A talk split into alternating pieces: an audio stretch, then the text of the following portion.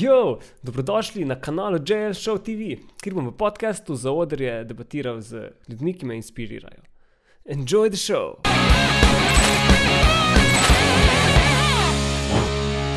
V današnji epizodi za odrja sem jim pridružil kranjski kitarist, ki je svoje kilometre pridobival na odrih z Aljo, Manco Špik, Bigfoot Mamo in Bečo and Company. Trenutno pa se nam v avtorskem projektu Nash predstavlja z singlom Nothing Lasts Forever.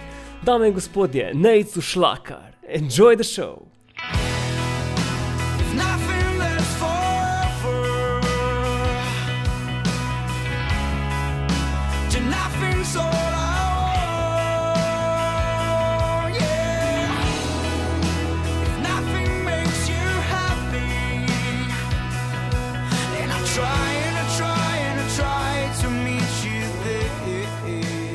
Pred kratkim si izdal prvi singel, avtorski. Ja, zdaj pa v bistvu to že kar nekaj časa. Eh, Ta singel je šel ven 20. februarja 2020, tudi zelo zanimiv datum. Um, jaz sem rekel, da leta 2019, uf, 2020 bo pa res, to bo pa res špica leto, to bo pa moje leto. Ne? Ampak vsi Oh. vemo, vidimo, da, da ni čisto tako, kot smo si vsi želeli. to. Ampak le delamo, mi delamo zdaj na IP-ju, se pravi, še štiri nove pesmi pridejo. Jaz upam, da v začetku 2021, ker v tem prekletem 2020, žal ne upamo na 60. No. Da, Ne gre več skozi. Ne?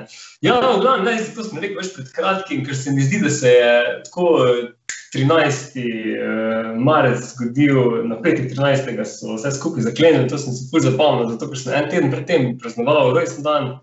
Tako zadnja dvojka, veš, 29, sem rekel, isto, štartamo zdaj na polno, za smo imeli pripravljen singel, uh, ljubezen daje moč, da štartamo, potem pa uh, se je en teden predtem zgodil lockdown in. Ne. In smo rekli, pustimo to, počakamo do oktobra. In zdaj smo tu, evo, november je tu, singli smo vse en izdali, kljub temu, da pač ni bila mogoče najbolj primerna situacija, ampak smo rekli, gledaj, preveč komadov smo že naprej naredili, preveč smo že odprtih stvari, da bi uh, še kar zavlačovali s tem prvencem. ne. Tako da smo naredili. In... so res tudi za, za izdajanje pesmi, se mi zdi, da jih pol na terenu ne moreš uh, izvajati, niti potrditi. In je, nimaš, nimaš feelinga, kako se komadi zares uh, odzivajo na, na terenu, oziroma tudi od ljudi. Veš, noben ga ne srečaš, noben ti ne reče, wow, dober komat, noben ti ne. A veš, tak feeling imam jaz, no, ker v bistvu delamo Ja. še s bendom Večo in Company in smo tudi izdali prejšnji mesec eno pesem. In, A veš, ni tistih stikov, ki je wow, dober komat, wow, uh, uh, uh, dober video spot, ni tega kontakta in dejansko ne veš, ali je Folku sploh všeč ali jim ni. In pol si tako malo zgubljen, delamo v to pravo smer, ampak itak na koncu delaš itak zaradi sebe. a ne. Ampak vse je, če dobiš kakšno podporo ljudi, pa da ti kdo reče, pismo bilo, res dobro, tukaj ti res poboža dušo, no, ali kaj se jim.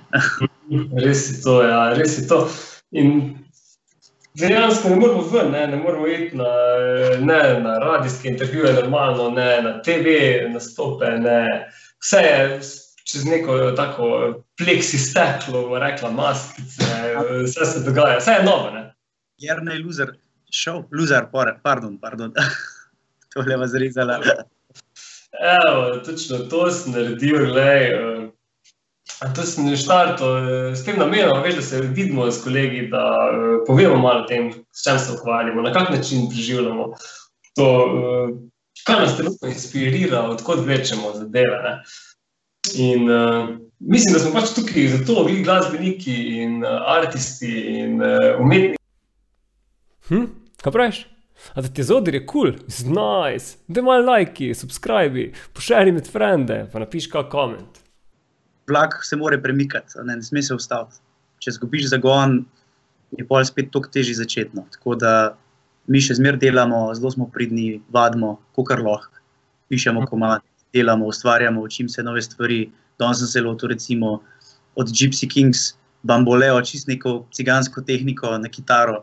A veš, take stvari, sicer je zelo težko, ampak so pa stvari, ki pol vidiš dneven napredek sam pri sebi, ne vem, v ustvarjanju, v, v, v takih stvarih, ki te dejansko držijo gor. ne. Si poskusil kaj eh, novih stvari, zdaj v tem času, recimo se lotil kakšne druge zadeve, ne vem, čist. Uh, razen kar imel. svojega žanra. Recimo, ne. Recimo, ja, pa kakšne nove tehnike. Ne vem. Jaz recimo sem se lotil uh, podcastanja, lotil sem se audio produkcije, s katero sem se prej res sam uh, bežno ukvarjal. No, se pravi, vedno sem delal z uh, kolegi, ki so imeli več tehničnega znanja. Uh, in sem bil, bom rekel, len na tem področju, in sem se raje več z njimi pohangal. In so pač oni dejansko sedeli za računalnikom, za programi. Ne. Mhm, mhm. Zdaj sem, pa pač, zdaj sem bil pa samo odrezan od tega. Ne, in, uh, kolegi niso smeli eh, iz občin, niso smeli manj, evo, sam delam. Ne. Še zmerne, ja. Ja. Pa še nič ne zgleda, da se bo kaj veliko uh, hmalj zadeva predstavljala. Mm. upajmo, da čim prej. Ja, absolutno. Ja, da upamo, upamo, da bomo na odrih, da bomo začeli delati, da bomo se normalno dobili. za- vem, tudi spot, če hočeš posneti, za statistike že, eh, so že omejitve. ne. Ja, ja, ja.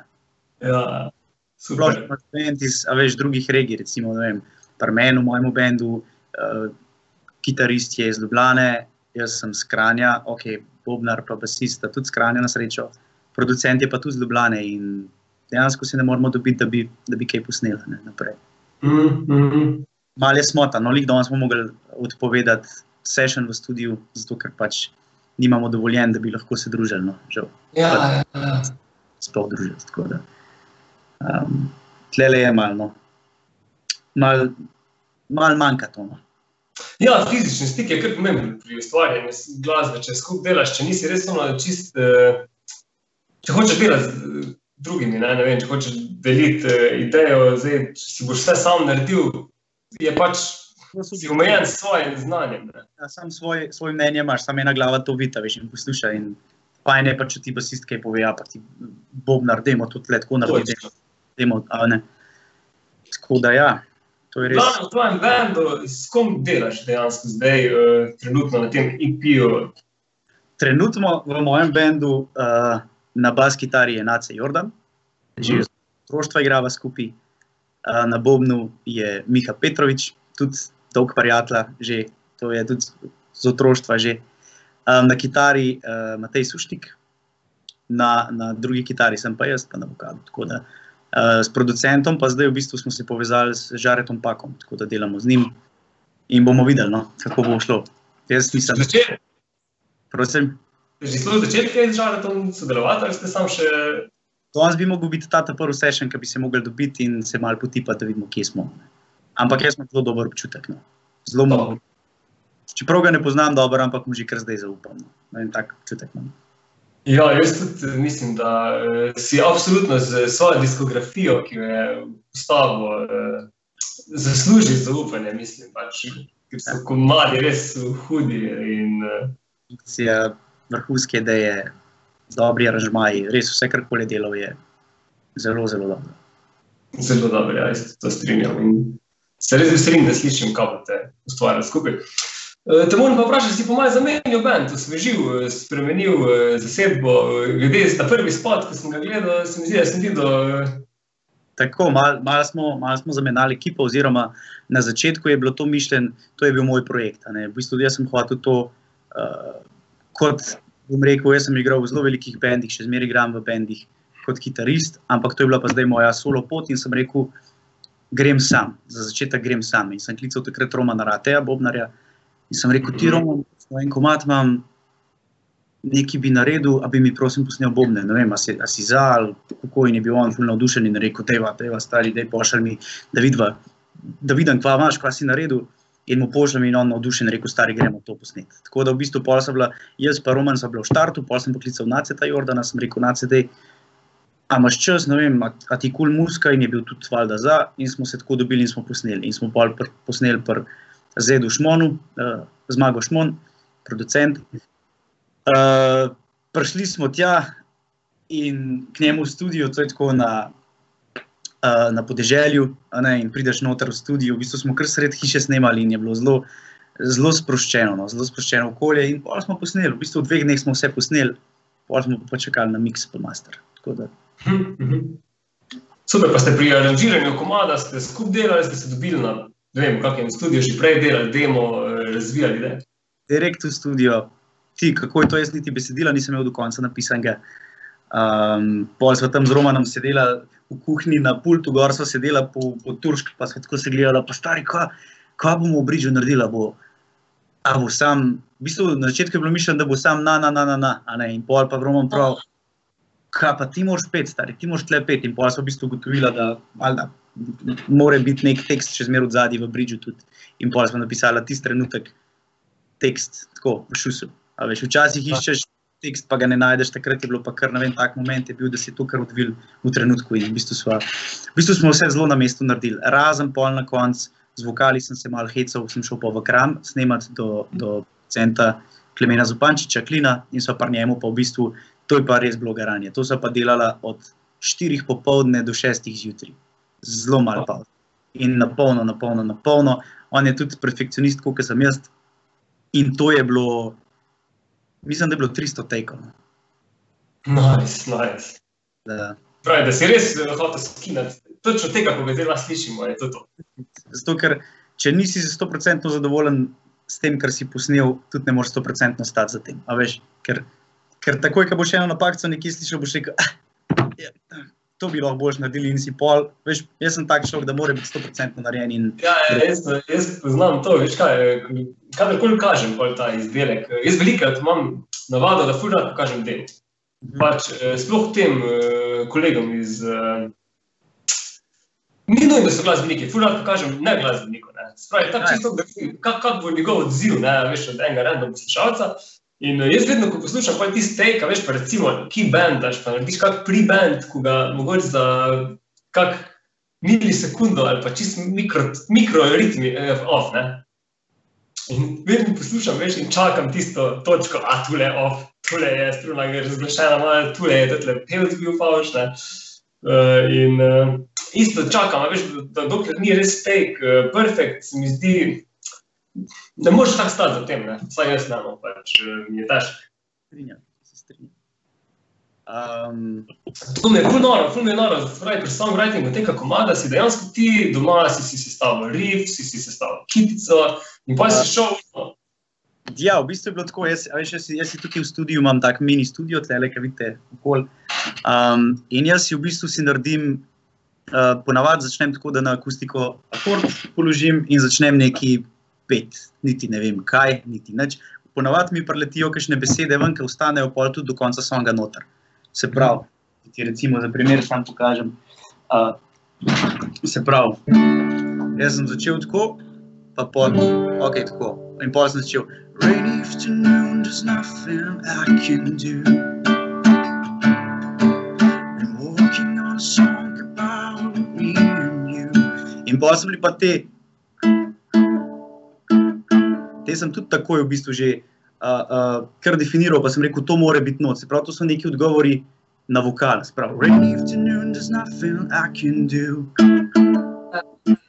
Se pravi, neko, nek pogovor med kitaro in vokalom. Um, in ja, teksta nisem imel zelo dolgo napisan, ga sem v bistvu pel kar neki. Pač jaz vedno naredim ta prvo melodijo, akorde, pa pol naredim še tekst na koncu. Zato, ker Kako se lotiš, se lotiš akordi, melodija naknadno ali probaš čim hitreje. Pa melodija se lotim ponavadi kar hkrati. Pol pa hamol, recimo, in imaš nek tak predrefren, pol pa refren. A ne, in, in nekako tako naredim. No. Ponavadi, moram reči, da ponavadi za vse komade, ki jih naredim, pr, ideja preleti takoj v šusu. In kitica in refren. Se pravi, Mhm. komad ti v petih min- minutah praktično. Ko te inspiracija dejansko eh, zadene. Včasih po noč, včasih po dnevu, včasih še sam ne vem, aj noč, aj dan. in pač se zaprem in naredim. Da, ja. Jaz sem zelo opazil pri sebi, da kar se te inspiracije tiče. Ne, mm, jaz recimo pred dvemi leti sem se odločil, ko smo začeli z Ano si urejati za sebe. Place, pa je bilo ogromno nekih obnov in nekih stvari, ko jih jaz nimam pojma, zakaj se gre. Veš, prvi sem se s tem srečal. In sem takrat pač začel videti, da se dejansko ne počutim več kul cool znotraj bivših bandov. Mhm. To sem se spremenil kot osebnost eh, v zadnjih torej v teh petih, šestih letih, da enostavno nisem več pasal v tisto sceno. Ne. Kaj ti, ti bolj, eh, so ti bolj začele dišati um, pop melodije, pa pop akordi ali uh, Niti ne tako pop, akordi, uh, ampak pač uh, hotel sem enostavno narediti premor. Imel sem po 3-4 vaje na teden, uh, kjer smo delali skozi alter uh, mhm. glasbo z različnimi ekipami. In sem se enostavno najedel teh uh, ustaljenih k- kalupov. Ne? Če pogledamo, recimo, ne vem, vaje v sredo, v soboto je špil ortobat. Ne? Se pravi, potem v ponedeljek so že vaje z drugim bendom, ko se pripravljamo za špil za, ne vem, Sačmo, Maribor. Uh, se pripravljamo, se pravi, bilo je ogromno nekih alter eventov, ki prvo kot prvo niso plačani, v večini. Uh, drugo kot drugo, to moraš res delati s srcem. Jaz sem pa začel opažati, da, da nisem več pri stvari, da mi ni več to tako noro. Mhm.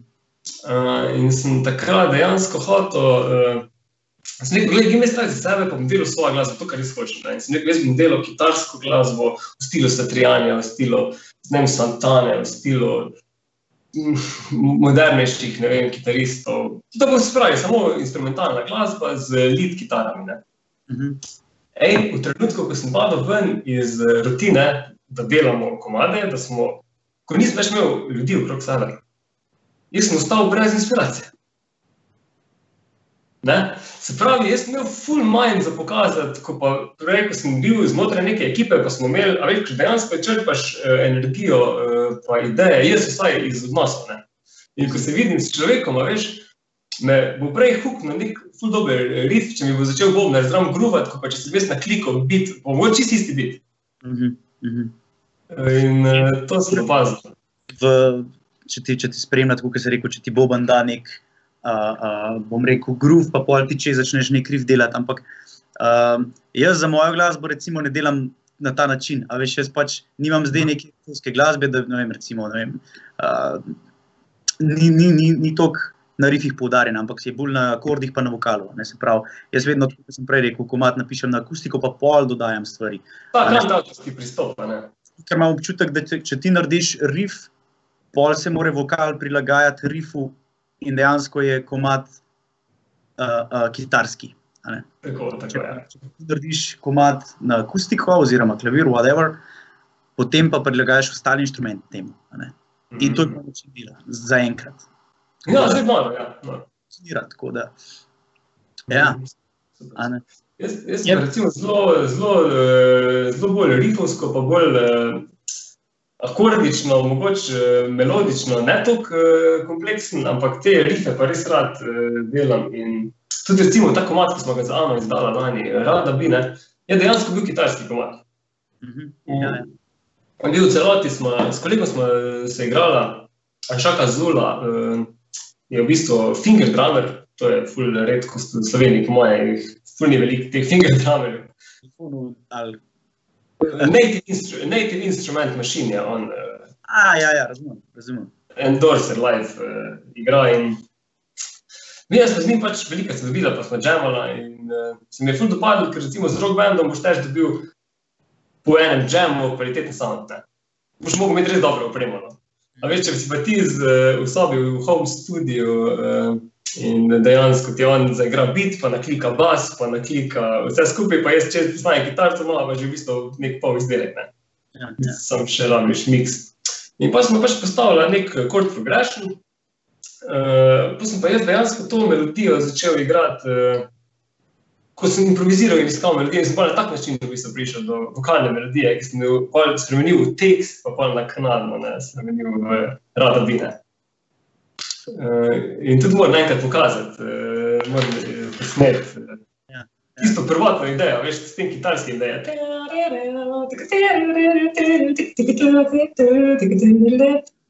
A veš, na ta način, ne. Je bilo ful hudo. eh. Kar smo pol v bistvu za mano pesem naredila, ampak se tudi, pa smo se v bistvu z Žanom Srčičem čula, ker sem ga spremljal na Insta, se mi je zdel kul cool, guy, pač ful kul cool producira, dela izdelke, ono, skozi konstantno je v movingu. Sem rekel, dej Žan, kaj bi mi ti v tem komadu povedal, kako se ti zdi, kaj se ti začuti pri tem komadu? Ti je kul, cool, misliš, da ga lahko naredimo v nek slovenski pop, eh, rekel, hit. Rekel, potem probate. Ne? In je naredil v bistvu nove aranžma, je malo drugače aranžiral kitare, ker je v bistvu okoli vokalne linije sestavljene. Uh, podlago. ne. Vedno moraš vokal poudariti, to tudi Žare Pak mi je rekel, je rekel, vokal v ospredje, potem ga pa oblečeš. Ne? In moraš je. tudi glasbo delati primerno vokalu, se pravi, ne vem, če imaš zelo nežen glas, ne moreš imeti nekega hudega, uh, nažigaškega rok uh, aranžmaja od zadnja. Ne moreš imeti. Vokal je treba poudariti in dati v najlepšo obliko, ko mu paše. Sej, to sem zelo dobro naredil, no. tudi ko sem poslušal komat, super, lej, a ne vokal, zelo lepo pride ven in super, super. Ja, fajn je tisto uspel, sicer je bil pa takšen, ni bil to njen stil, rado mi je prvo. Ni bil to njen stil, ker je preveč elektronski bil. Ne? Mhm. In je bilo preveč teh bitov, rekel, mogoče na nek način trap, eh, neke take stvari. In sem pa rekel, da dajmo še narediti, ker stil, stilsko se pa ful ne rad omejuje. Ne? To, kar zdaj zano delam, sem rekel, dajmo narediti paleto različnih stilov, v katerih sem videl, ful najdemo. Ne? Ja. Pač, recimo, jaz sem se mogoče teh stilov bolj najdel kot ti, ne? ampak vseeno lahko zapoješ, ne, a veš, pa uživaš, pa je kul, cool, še posebej bo kul, cool, zdaj nažalost še nismo uspeli probati, ker tudi sestavljamo band. Uh, a veš, ko bo to z uh, live bobni odigran, ko bo ta pesem pač dobila to live preobleko, pa bo zares zaživela. Ne, in, uh, to pa res pogrešam, no se pravi. Tudi, Ja, ampak je še zmeraj komat narejen, kot se reče, na kitari. In če komat dela na kitari, potem ga ni tudi problem z bendom učpilata. Veš. Problem se je pojavil, recimo, jaz sem v bendih, ki sem igral, se je doskrat zgodil, da, da je bila pesem narejena na računalniku. To pomeni, da so bile v bistvu harmonije napisane, mogoče klavir je bil zraven. In pa smo pa to hoteli uživo odšpilati, in kar nekaj ni delal, noben ni vedel, fuck, kaj, kaj nam manjka, mislim, zakaj komat ne dela. Ne? Ampak, veš, kaj imaš ti na kitari, kot si prej pokazal, kaj imaš. Ne vem, kaj imaš ritem, whatever, kakorkoli. ja, še ja. stare pele, a veš. Pa klavir tudi mogoče pele, ampak če imaš pa ti neke sample skup uh, uh, dane, ali pa če ti mogoče producent, ki se mogoče bolj z elektronko ukvarja, je pa to ful težko v živo pol narediti. ne. In tako da smo se mogli v v parali, recimo, doskrat furati matrice še od zadnje, da, da je to zafilali, ne vem, shakeri, razno razni, um, kakšni dropi, ki pride noter, pa take stvari. Točno, to so ti dropi, to so te frekvence, ko jih v bistvu band, live band ne more narediti. Če mogoče da te- klaviaturistih mogoče lahko, ampak že tako ima dve klaviaturi, dve roki, veš, zasedeni in pol ne moreš v, v teh stvarih delati. Vse to je normalno, pa v vseh bendih, ta velikih, da, da spuščajo matrice od zata, ne, ker je bolj poln zvok, sicer kakšen kaj muzičar, oziroma kaj lih, lih malo muzičar, se pol sprašuje, čak, čak, čak. Je odkud pa ti zvoki prihajajo, ker so tle od zasinu bend ne igra in mu daš mogoče malo zamisliti, ampak ja, to so matrice, ki jih, ki jih furajo večinoma vsi bendi, ta veliki. Ja, sicer, jaz mislim, da se je potreba po teh matricah pojavila eh, z razvojem teh sintetizatorjev, ko so prišli ven. eh, Se je folk nekako navadil teh clean eh, frekvenc, teh clean soundov in eh, pač enostavno z bas kitaro ti prideš do, ne vem, se lahko imaš šeststrunski bas, ampak vseeno je tista frekvenca še vedno toliko nižja, ti sub, ne. Isto pa kick je, vidiš, so zdaj današnji bobnari že ful radi si trigrajo kick, ne, se pravi, da nadomesti, ne, on udari kick, v bistvu mu ga pa računalniško uh, midi udari, ne, namesto tega, da bi mikrofon samo lovil sound, ne. Ja, v bistvu In, uh, Kovanca, ki je nek. ja, ja. To je danes je ful zanimivo, da je ta muska. Lej, dokler, dokler kitara ne gre na midi, čisto ok. Ja, ne, se, se smo že ful blizu, da se da, se dejansko že midi kitare že obstajajo, plugini so že. Ampak Ja. upam, da še ne pride to uporabo v komercialu, In- Jaz mislim, da v komercialu je prišel, ampak eh, ta rock and roll, eh, to, to pa ne boš mogel nadomestiti. z, eh, To je človeška energija, veš, ta faktor, ne vem. Zdaj smo se menili na prejšnjem podkastu eh, o, ne vem, Jimu Morrisonu, o Mick Jaggerju. Veš, te energije ti ne moreš sam sintetično poustvariti na, uh, kot en človek, pa matrice. Ne? šans. Ni šans. Ni šans. Ne? In zato so ti performers, ti ta performance, to je čar, v bistvu, ki to, to, to pač ljudje hodijo gledati. In Vse je noro, da imaš ti vrhunsko sceno, pa da so naredijo lahko luči, ogromno pa ekrani, pa video animacije. Ne? Sam tisto energijo, ko jo dobiš od uh, živih artistov, pač ne moreš nadomestiti. oziroma, Jaz mislim, da nikoli ne bo izginilo, da nikoli ne bo zamenjalo. Ja, ampak, veš, opažaš pa tudi, recimo, ne vem, pride samo DJ in spusti muziko, pa pevka odpoje zraven. Ne, recimo, take stvari se dogajajo. Ampak to je kul, cool, to je kul, cool, vsaj pevka odpoja, veš, pride gor in eh, Vsaj to, ampak. Ne vem, moje mnenje je še zmeraj, jaz, pač, jaz rad vidim bend, da pride cel gor, da vsi to učpilajo, da to vidiš, da je to uh, bom rekel, organsko. Ne. In jaz tudi, recimo, pri moji muziki, ki jo delam, doskrat mi fanti v bendu rečejo, pa dej, pa dajmo bolj moderno narediti, pa dajmo boben posemplat, pa dajmo to noter, ne vem, da je mogoče bolj modern, se pravi, nek kiknik, midi sound. Ampak ne vem, jaz imam rad, še zmeraj ta, toliko imam rad bobne, pa toliko imam rad bas kitaro, pa toliko imam rad inštrumente, da imam rad organske stvari noter. Čeprav je trend drug, a ne. Točno to, točno to. Pa počasih trenda v bistvu ne rabiš toliko uh, poslušati, ko se ti mogoče na, prvi, na prvo žogo zdi, ne? ker ne vem, zdaj sem poslušal, ko je umrl Eddie Van Halen, sem poslušal njegov intervju. Ne? Mhm. In je rekel, Eddie, pogledajte, ko smo mi začenjali, je rekel, rock and roll takrat, vse imate mogoče danes občutek, da je pač rock and roll bil takrat sveta, eh, sveti žanr, ko so ga vsi poslušali, rekel, ni res. Je rekel, rock and roll je vedno bil rock and roll. Vedno je bil pop, vedno je bil disco, vedno je bil funk. Je rekel, mogoče se vam zdi, da pač takrat tega ni bilo, ampak takrat je bilo to še močnejše, v bistvu na nek način, kot je danes. Ne. Je rekel, in mi smo pač šli v svojo špuro. Ne. Mi smo pač to delali, zato ker smo pač samo to hoteli delati. In, veš, če ti stojiš za tem, da iščeš akustičen sound, da delaš kitarske komade, pogledaj recimo Ed Sheeran, Ed Sheeran je ena na 70 tisoč, gre sam na oder, v bistvu z luperjem oddela komade in naredi šov. Ne. Res, on je, on je pa svoja klasa, res vsakemu čas. Sicer ni mi mogoče to všeč, kar se dogaja zadnje čase, da je v bistvu zelo uh, moderniziral vso stvar. Meni je bil še zmeraj najboljši on s tisto akustično mehko kitaro, oranžnimi laski, mehen in kot poje res z duše. Res ne vem, doskrat si Ja, sem še z prve plate, pa, pa sem občudujem in wow. Ja, mislim, da vse ta produkcija, ko jo delaš, jaz bi rekel, da če mu ne bi bilo fajn to delati, no vprašanje, verjetno je tudi skaj. Da, ta, veš, lahko so tudi pogodbe, pa take stvari, ki pač. Se veš, mladi, bom rekel, mislim, se z vami, da tudi če kar mlada, ampak Ja, srečo, ne. rekel, jaz, ko učim kitaro, učim, vidim, da, da dost, bom rekel, otrok jih pritegne tisti močen kick, pa močen sner, pa močna ta produkcija. Se pravi, da jim je dejansko ni toliko pesem všeč, ampak jim je produkcija bolj všeč. In na ta način, po mojem, pri Ed Sheeranu tudi pritiskajo založbe, da dobiš to, bom rekel, zelo mlado publiko. ne. Ja, ampak vseeno se mi zdi, da koncerti, ker sem spremljal, on igra brez benda, ne vem, koliko ima z matricami narediti, se pravi, nisem to face spremljal scene, ampak se mi zdi, da vseeno gre sam na oder, ima kitaro v roki, pa odigra. Eh, Ja, ja, ja, v živo ja, ampak tako, kar se tiče, ne vem, songov teh zadnjih, ki jih je delal. Radio editov, ne misliš, ne. Ja, ja, ja. ja. Ja, ja to so pa sigurno. Ampak drugače pa le, songwriting, vokal, wow, ne vem, ki je posnel za Hobbit tisti song. Uh, jaz sem, sem rekel, wow. In pa je ga je tip napisal v enem dnevu ta song. Ja, čist, eh, čist logično, mislim. Ker, eh, isto, veš, kot si ti rekel, si prišel v studio ne, in tvoj, recimo, komad zveni dodelan, zveni kot da ste ga pili, da veš na placu tedne in tedne. Ne. Dejansko je pa to produkt vseh teh let, ko ste jih prej peglali. Ja. In to sam še on spot si prišel in si si zaupal in si rekel, gre pa zakaj pa ne bi napisal tu, eh, tega briža in si šel in si zapel.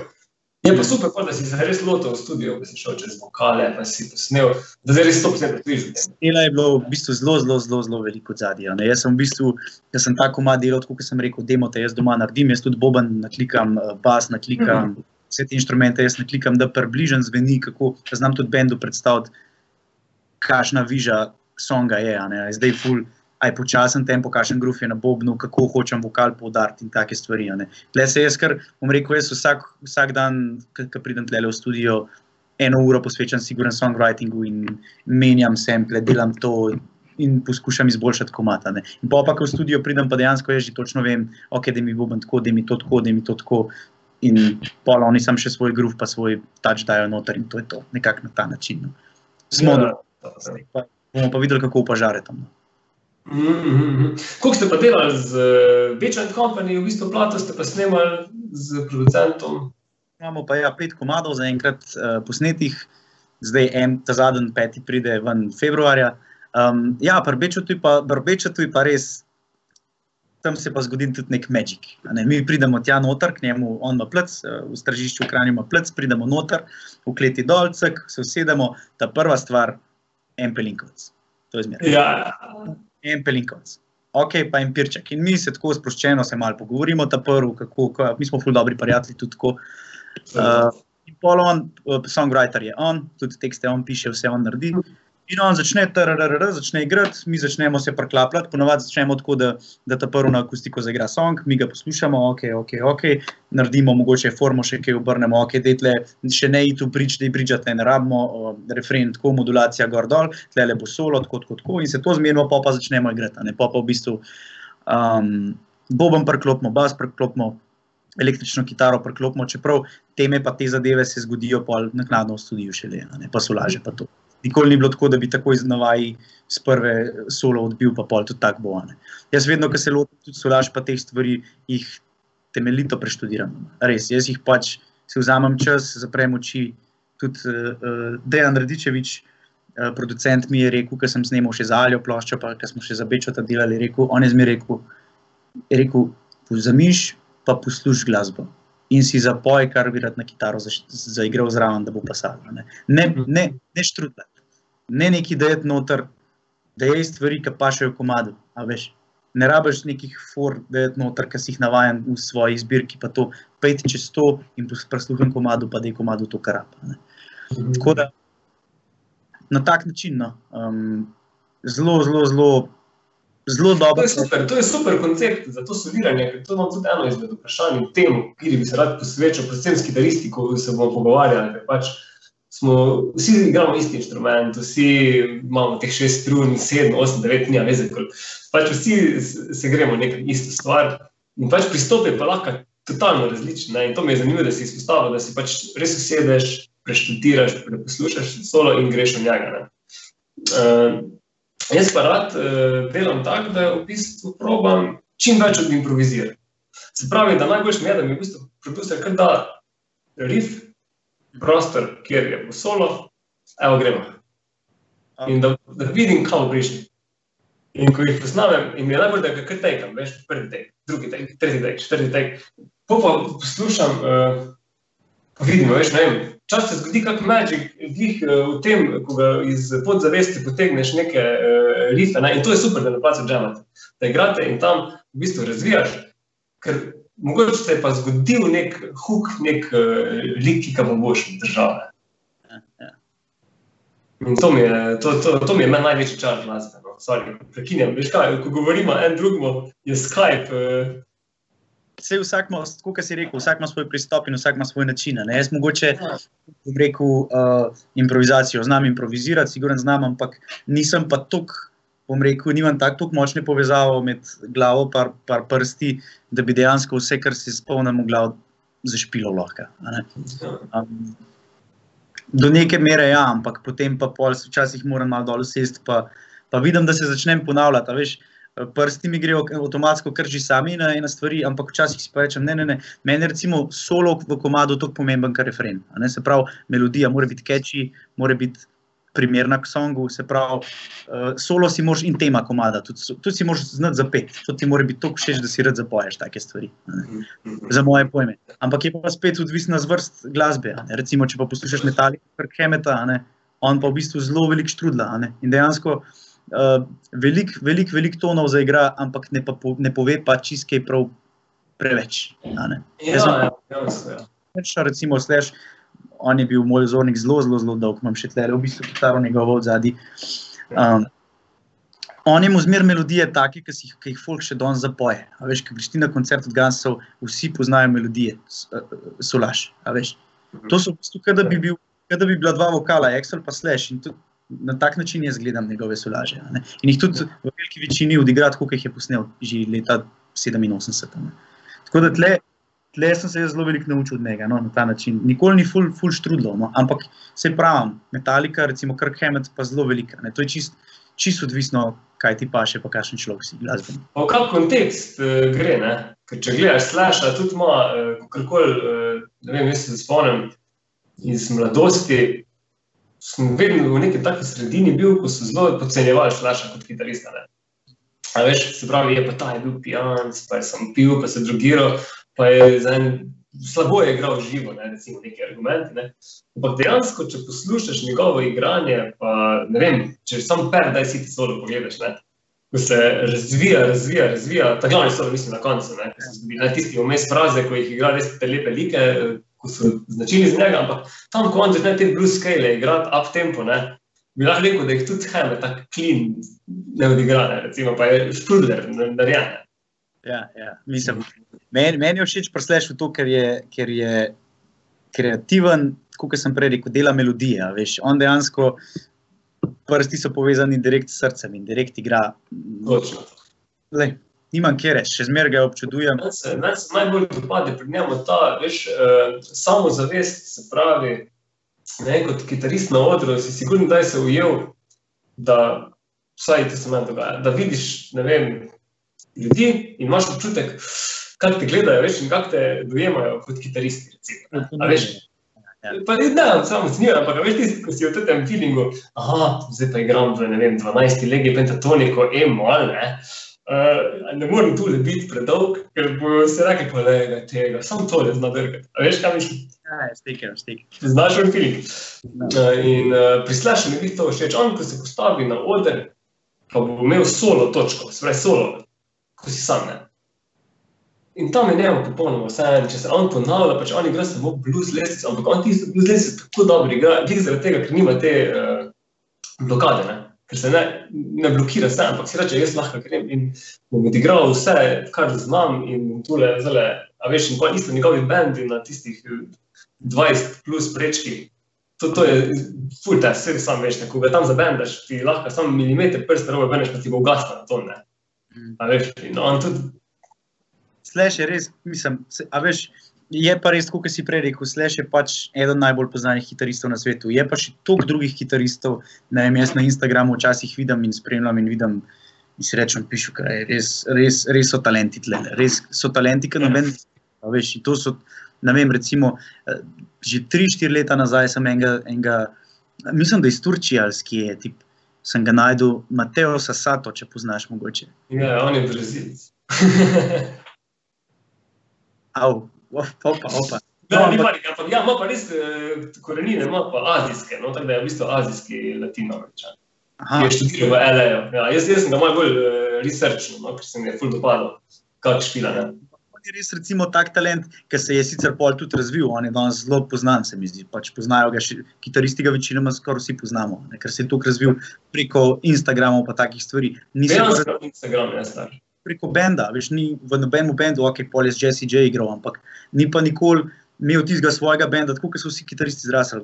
Ne vem, Jimmy Page je zrasel z Led Zeppelin, uh, Slash je z Guns izrasel, Joe Perry je zrasel z Aerosmithi in take stvari. In, ajde, Satriani recimo, ampak ni pa prišel, bom rekel, v tak, tak širok spektr, ki so kaj Slash, pa ki so te velikani.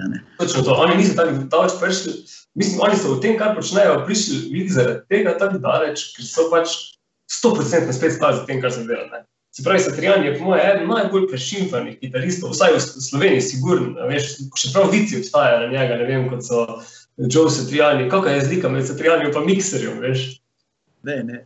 No, to so taki vici, prav hodijo v tem. Ne? Recimo, da ima Satrijani, ima, eh, je hitrejši, ne mikser, ima pa več feelinga. Ne, veš.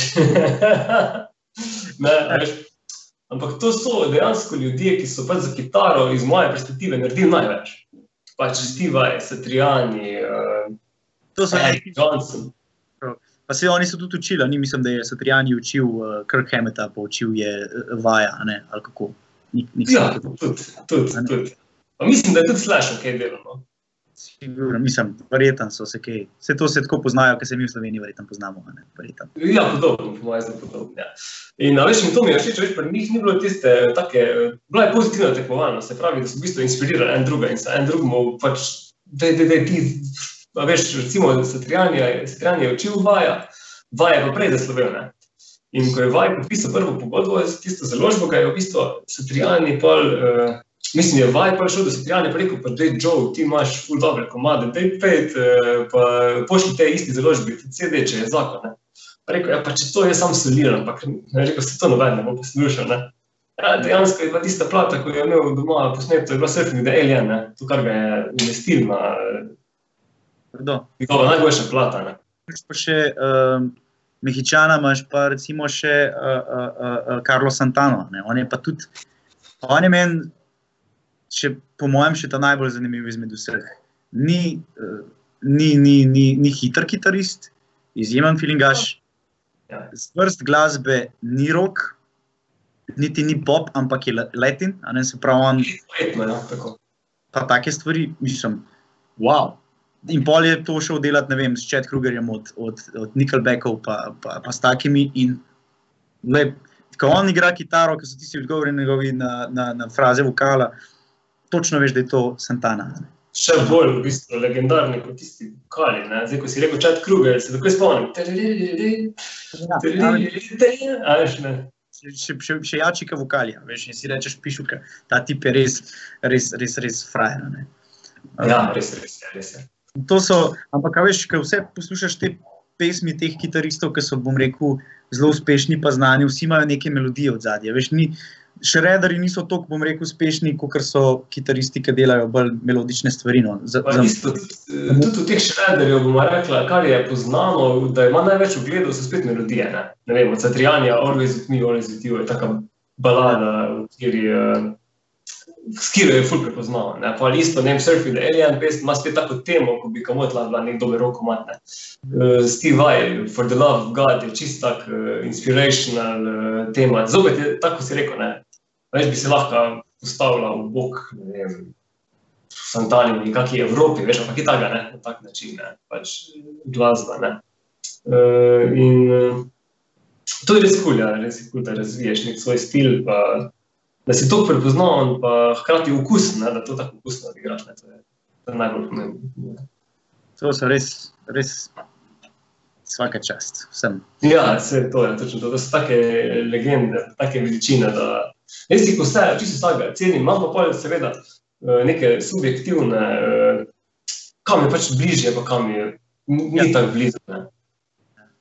Ampak čisto za vsakega izmed uh, glasbenikov pa imam spoštovanje, ne, ker pač so vsi so posvetili svoje življenje temu, veš. In zdaj pač, ne vem, če si jaz doma v prostem času ne zavrtim Santana vsak dan, a veš, ne pomeni pač, da pa mi ni on zakon. Ne, in tudi ne bom pluval po teh ljudeh, ker se mi zdi pač.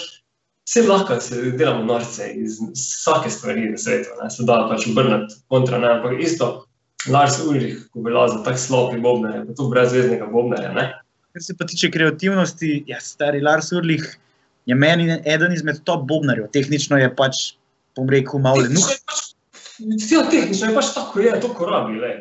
Ja, ampak, ampak kreativni spirit njegov je pa, ja, le on dela melodije na bobne, stari. A veš, take stvari, ki, ki je zelo malo. Aranžmaje, pa aranžmaje dejansko pri Metaliki, če gledaš eh, njihovo eh, mm, diskografijo, je on vse posod podpisan zraven. Mm. Pa ne samo zaradi biznisa, zato ker je pač on prišel z idejo, ampak zato, ker dejansko je naredi. Ne, ne vem, Rif sem zdaj že gledal, vsi smo bili na Instagram storju. Uh, Enter Sandman. Mhm.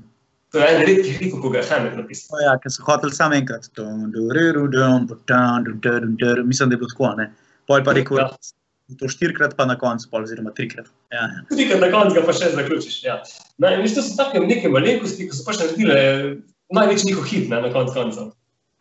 In to, to so take kvalitete, ki, Ja, in to je- Ne, ki se jih ne da zanikati. Ne. Pač, to je res. Ja, veš, pač Lars, ne vem, Krk pride z idejo, da igra riff, Lars mu reče, da je to ponovno tam, James naredi vokal, basist pa pač naredi bas linijo, oziroma mu verjetno še kakšne druge stvari, ampak, kar vem, so večinoma bolj te tri, a ne v spredju. No. Dejansko sta čisto v spredju Lars in James. Mhm. Tudi večinoma kitare snema James, eh, razen solo. Ne. Solo kitare ima pač Krk. In, uh, Dela se pa vedno tudi z eh, najboljšimi producenti, kar se jih je dal na trgu dobiti. a veš.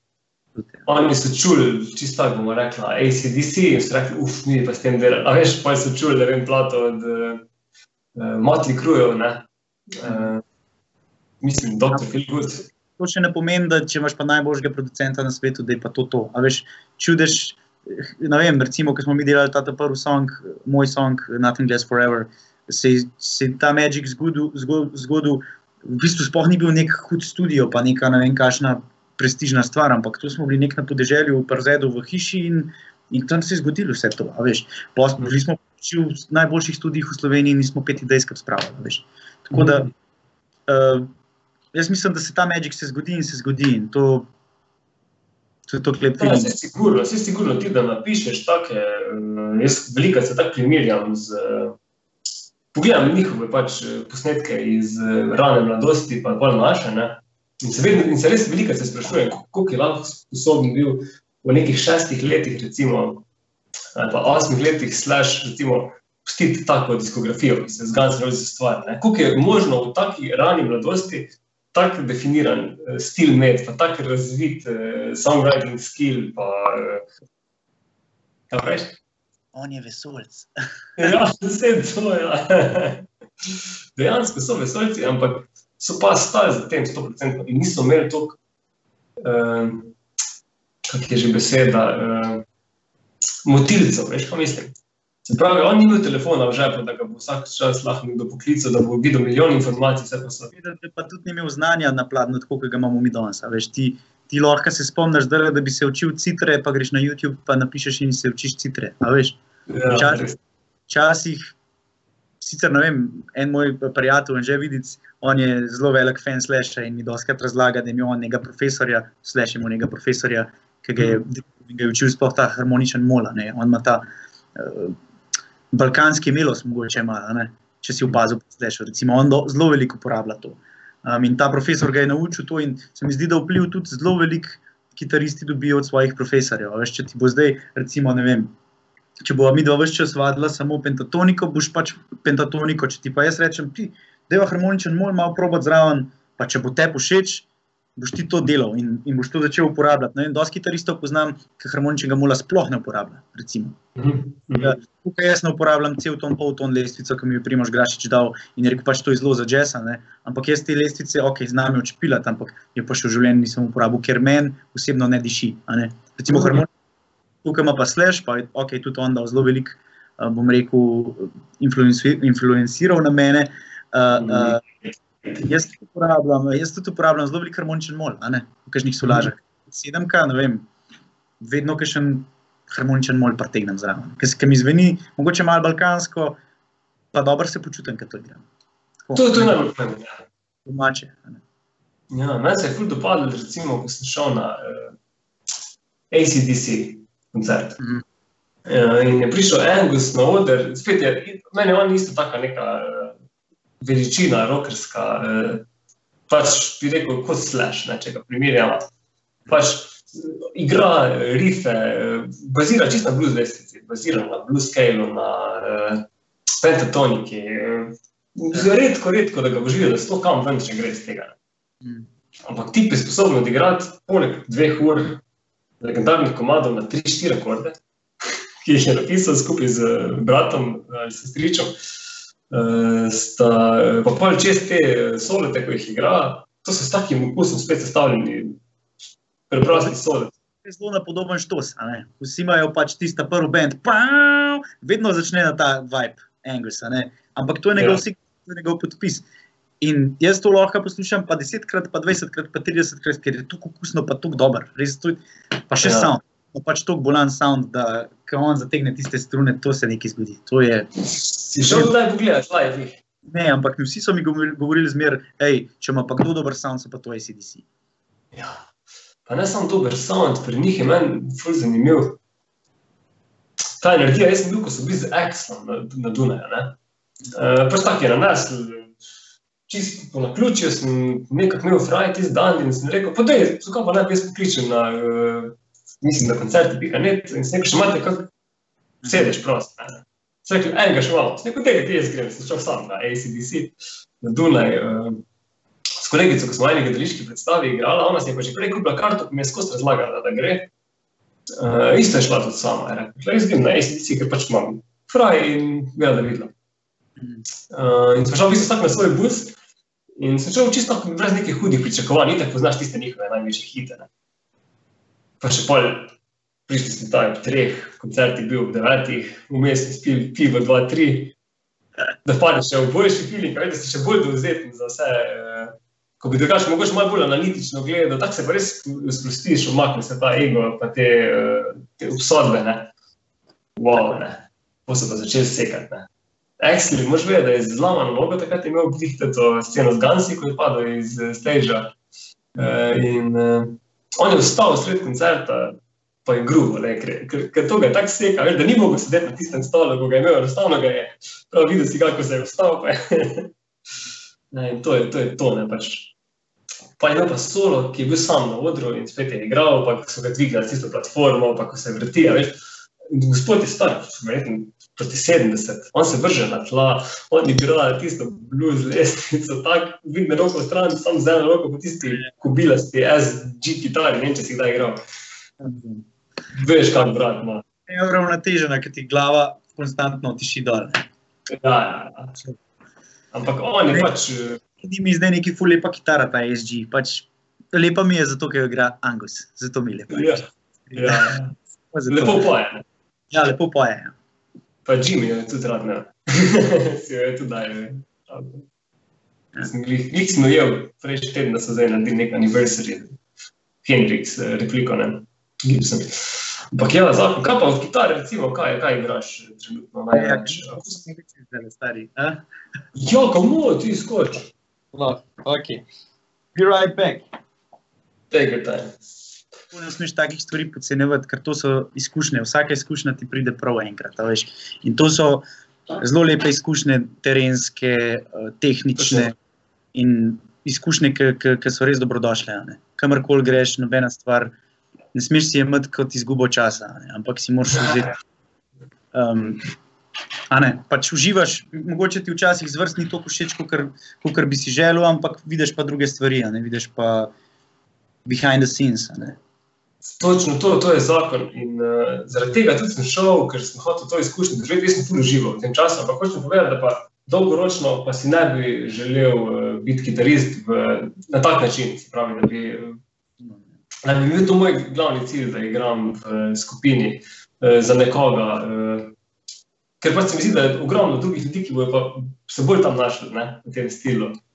Uh, in uh, jaz bi pa res rad uh, razvijal ta rock and roll, pa se šel v to igro uh, občutkov, pa najdel nek sound, ki bo, za katerim bom res stal in bom res srečen, ko to igram. Ne. To, to, to mi je v bistvu nekaj vrste, nek cilj, eh, ki ga zdaj le imam. In hotel sem reči to. Naredil sem, po mojem, imam poln telefon idej, pa sem jaz kitarist, ko nimam časa snemati. Mhm. Ne, Spravi, da jih imam batic kot eh, frontman, še pa trikrat več. Ne, in tu vidim, da je res ta uh, energija, ki jo črpaš od uh, ostalih članov. Uh, a veš, ko vidim, kam njemu vokal leti, kam mu leži, in imam takoj rif, uh, in imam takoj pripravljeno pesem, te gremo v to. Ne? In smo že nastavili, sigurno, ne, nekih 5-6 komadov, ki sam še, jaz mislim, da sam še rabi malo producer, tača, pa, pa je pač bila plata bila narejena. Sicer ne vem, če se bomo lotili tega izdelka kot plata, mislim, da bomo šli singl po singl po singl, ker se mi zdi, da je danes zelo težko lansirati tako dolg produkt naenkrat v ljudi, ker nimajo časa. Ne? Zelo je čudni časi so. Tudi jaz, recimo, pri mojem bendu, um, pa se doskrat pogovarjamo, ali ćemo delati single, pa single, kot si ti rekel, pa video spote, ali ćemo dati pol EP, pa, pa da vidimo. Zdaj, problem je v tem, ker ljudje ne kupujejo več CD-jev, ne kupujejo, ne prisluhnejo muski, ampak poslušajo tistih 15 sekund, 20 sekund, pa, pa če jih zanima, jih če ne pa ne. In ti plato dejansko preposlušajo tisti, ki, ki jo poslušajo s firca v eni minuti celo ploščo. a ne. Um, Ja. A ne, če jo pa ti v starih časih si imel pa v avtu, pa si jo drgnil, drgnil, drgnil, drgnil in si dal komadom v bistvu priložnost, možnost. In si v bistvu gotovo, da dobri komadi so. Ej. Mi smo dobri komadi. Mogoče Ni začel na, tist, na tak vibe, ki je bil meni všeč, ampak so pa dobri komadi, pišuka. In tako so Ja. včasih rastali in delali. ne. Danes pa, ja, tako kot si rekel, single. ne. Single pa mogoče pol samo prevrti na tri, štiri dele. En poslušalec, ki mu mogoče to ni tako všeč, pa ga mogoče nek pretegne, ne. plato pa res prelista. Prvo pa Ja, to zadnjo. je res težko, ker moraš gledati, ne, plata traja 40-45 minut. Ne. In zdaj v tem času, ko si ti izdal plato, ne, čisto tako ni banalno. Ne. Recimo, jaz sem izdal plato, pa smo kolega, pa boš rekel, o, ti vidim, kaj je naredil, ne, je dal play, ne. Mhm. Hkrati ti bo pa javil YouTube, ACDC so ravno kar izdali plato. Ja. ACDC, a veš, in zdaj si ti na mojem komadu, poslušaš moj komad, pa te že ful zanima, kaj so ACDC naredili. In naslednji dan je Slash izdal nov singel. Čakaj, kako Slash? Slash vsi je izdal nov singel, wow, a veš, te pravi, fulje informacij, In je težko človeku ti dejansko ga prepričati, da zdaj pa bo on namenil tebi ne vem, uro ali pa uro pa pol celo. Ne? Ne, da narediš res konceptualno plato, ki je dolga ne vem, 10-12 komadov, v 8 minut si predstavljaš danes, 8 minut komad danes, da narediš. Res moraš imeti zelo, zelo, zelo dedicated fan, da ti poslušaš celega. ne. To je res. To je res. Res, jaz recimo sem dedicated fan, pa ne dedicated fan, da bi zdaj nosil majice, pa dolge lase, pa bi bil metalika gajne. Ampak pač, ful sem bil res kot band, ker res sem to res ogromno prevadil. Na začetku, ko sem začel, sem jaz imel cilj, da se naučim Master Puppet zaigrati. In Ko znam Master Puppet pesmi, sem rekel, to kitaro sem osvojil, to, ko še hočeš. Ne. Mhm. Že sem, da sem žival dve leti, kot nor, vidite, ko sem prišel do konca Master Puppet, sem žival do Iron Maiden, sem žival do Ganse, sem že spoznal Satrianja, sem že, me itak že potegnil na sebe. Ampak to je bila tista stvar, ko sem rekel, tole pa res rad znal. Ne. Mhm. To pa je res ta zvok, ko sem ga slišal in ko ga pač hočem doma v sobi pač ustvarjati. ne. In sem si kupil njihovo zadnjo plato, ne? in sem si oddal v avto. Ne? Ti si kitarist in veš, ti si recimo hotel to naštudirati in si vrtel, vrtel, vrtel, vrtel, ker ti je bilo pač eh, zanimivo tudi, ker si tudi znanje črpal iz tega, v bistvu. Točno to. Točno to. Zdaj, navad, Videl sem, videl sem v bistvu, da bom eh, dobil toliko tehničnega znanja, sem dejansko tako ko analitično preučujem, kaj sem takrat doživel, da bom lahko s tem si pomagal tudi pri ostalih stvareh, ki bom igral. Ne?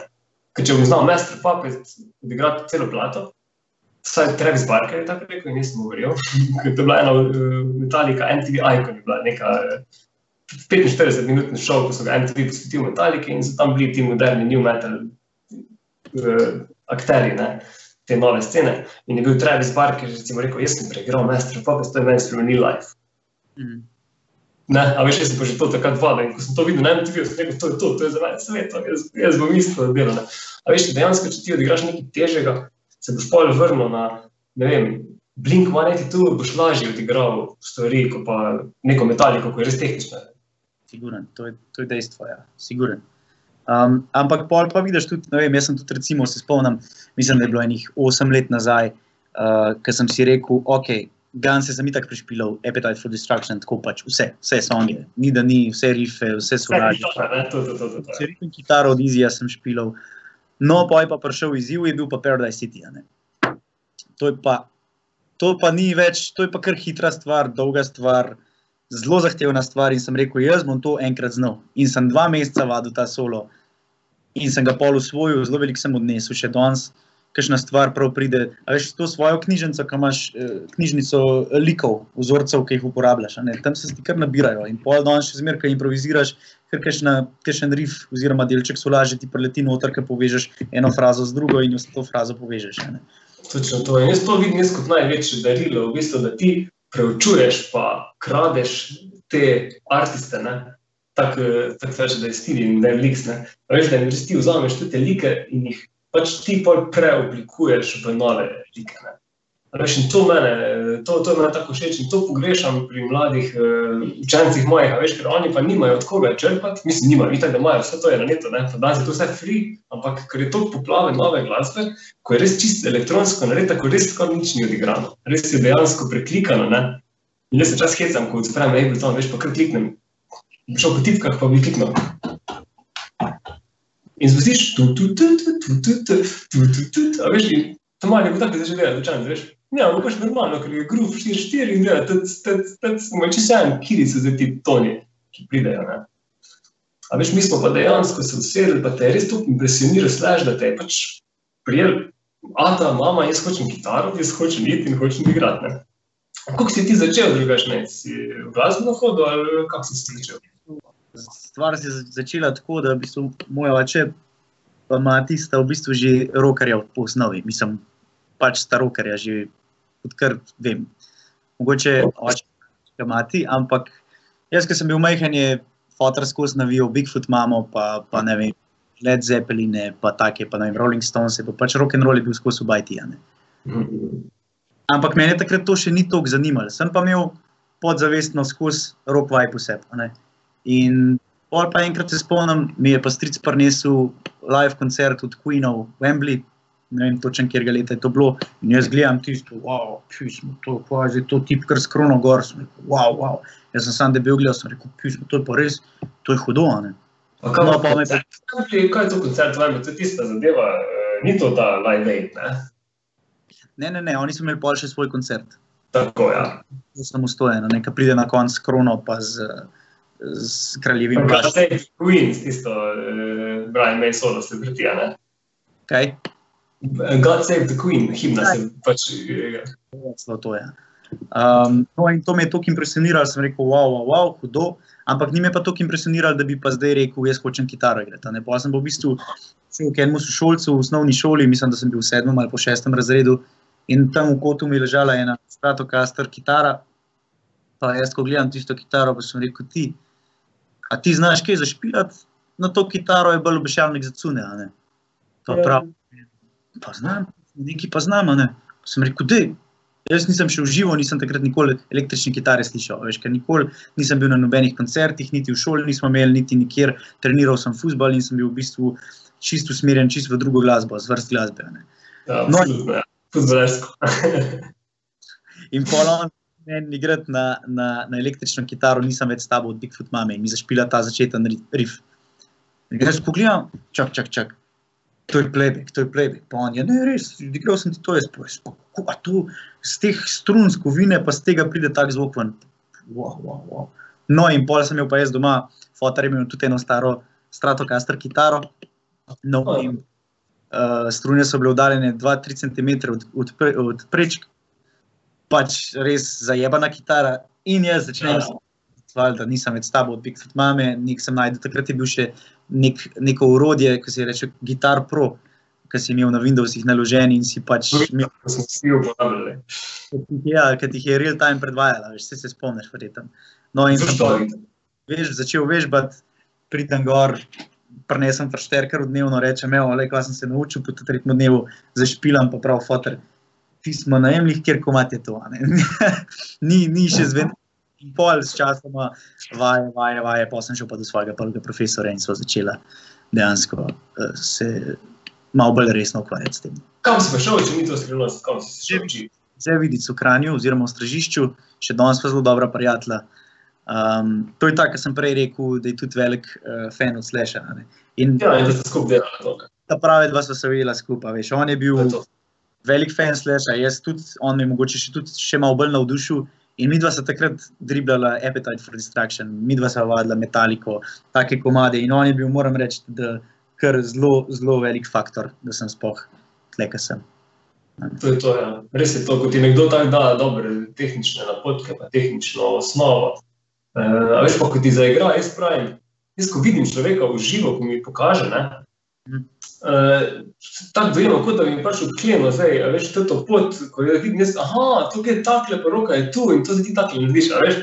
Če gledaš posnetke, se vidiš, kako ljudje igrajo, ne? ampak v živo je pa, se mi zdi, pa kar, da kar pijem to znanje. Ne? Ja. Uh, jaz sem isto delal s kitaristi, ko so bili ful, ful dobri, dejansko vsi, s katerimi sem se učil, ko sem hodil na te masterklase, pa na te lesne v celju. Um, in sem res v zelo kratkem času, plus tega, da sem imel res tisto notranjo motivacijo, ko so me doma vlekli od kitare stran. Pej se učiti, pej ven, pej na kolo, sam nekaj vaditi. Ne. Pač, ker sem si postavil več tako visoke cilje, ne vem, prvi cilj Master of Puppets se je hit spremenil v Iron Maiden, se je hit spremenil v Dream Theater. In zdaj te tehnične stvari, to če ne boš vadil po 3-4 ure na dan, pa nimaš kaj iskati, da boš v petih letih znal. Mm, mm. Jaz sem vadil pr- prve dneve, ko sem dobil kitaro, sem jo vadil po. Jaz bi rekel, skozi sam, da sem jedel po vece. Mm. Res tiste prve mesece. in Jaz tudi, jaz se spomnim, dobil sem koncert uh, aj, Tokio od Gansov 1992, ki je imel tisto črno, še dvojno SG kitaro, slash, spomniš, mogoče Nakin on Heaven, tam tak uh, izjemno odšpilan. On je imel še tisti nek uvod, če se spomniš, na 12-strunski. Only woman bleed. To je, ja, to. In to sem jaz kineval, in to sem jaz vrtel naprej in nazaj. A veš, takrat, to je bilo še toliko nazaj, da ni bilo takrat YouTube-a. ne. Takrat še ni Ja, bilo točno to. Google video je pol počasi prišel, čez enih pet let. spomniš, to je bil nek torrent program, ki si pol dol vlekel te koncerte. In to, Si upal, da bo koncert, Črna- včasih kaj drugega. Da sem jaz ta koncert videl, pa sem ga pa vrtel. Ali pa če sem imel srečo, mi je že mogoče kaj dal na USB ključek, mislim na CD, takrat še, da sem jaz to pol prenesel. Sete so bile, le meni je od kolega Fotter, ki smo imeli band privid, uh, v celju, uh, on, je že, on je hodil na bobne v glasbeno šolo, ta kolega. ne. In on je, njegov fater je imel band, uh, Oliver Twist, oni so bili taki celski uh, rock and roll cover band, ki so igrali uh, največ teh uh, motoranskih plesov. ne. In zdaj ta kolega je hodil v glasbeno šolo, jaz sem bil v sedmi razred, se mi zdi 9 let, ki je star 13 let, ko sem začel igrati kitaro, on je pa že hodil od glasbe od sedmega leta, ne? se pravi, da je že šest let imel za sabo nekih vaj za bobne, veš. In jaz sem si kupil kitaro in sem dva dni doma špil in sem rekel, jaz smo mi to eno vaje, band, mama pel mene. sem šel temu kolegu s kitaro, na pul na glas 15 vatni Ibanez.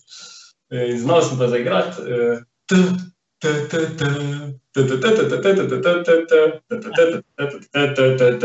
Ejdo sem. In sem to driblala, smo to po dve ure, unje špilo, veš, ja bilo pa dolgo, on je pa že znal pa naprej ritem, veš, in sem samo gledal, wow, jaz tudi hočem, da te bom spremljal. Mm. Ampak na Bobnarjih je bilo tudi tako zanimivo. Recimo, jaz tudi, ko sem začel s tem prvim Bobnarjem, ko smo začeli špilati, tudi Master of Puppets. Sicer jaz sem tudi znal sam, pam, pa, pa, pa, to je bilo to. Pa pa on tudi. Lepo, jaz nisem bil nikoli tako na, uh, mahnen na metaliko, tudi na ta downpicking, ki ga ima uh, uh, James. To je, to je roka odpad. No, pa tle vse gre. to je res malo. Um, tako da ja. Hotel sem reči, da sem dobil pol koncert uh, od njegovega fatra, on je imel pa koncert od uh, Queenov, mi smo mu rekli Queen and Friends. Mhm. In to je v Wembley za v bistvu obletnica Fredijeve smrti, prva. Ne? Mhm. A, ja, ja. ja, ja. Poznam ta koncert. Ja. No, in tam prvi bend, ki je prišel na oder, ne, Metallica. Prvi komat, ki so ga igrali, Enter Sandman. Mm. A veš, in to jaz na kaseti doma gledal, če, če ti rečem, da sem gledal vsak dan, ko sem prišel iz šole, najprej to, potem pa hotel, jaz pa takrat še nisem imel interneta, po moje, toliko naštudiranega, da bi znal downloadati si Guitar Pro, oziroma tudi, ko sem prišel že na internet, pa sem gledal Guitar Notes, pa to, ko sem šel iskat po netu, sem najdel te tablature, ampak nisem znal brati Mhm. ker Mhm. nisem nobenega poznal, da bi mi to povedal. ne. Ja. In sem dejansko, mislim, da več kot eno leto iskal z svojim ušesom, a veš, tam, tam, tam, tam, in pazi to. Videla s kolegom smo na robe to zvali. Jaz sem to zvali.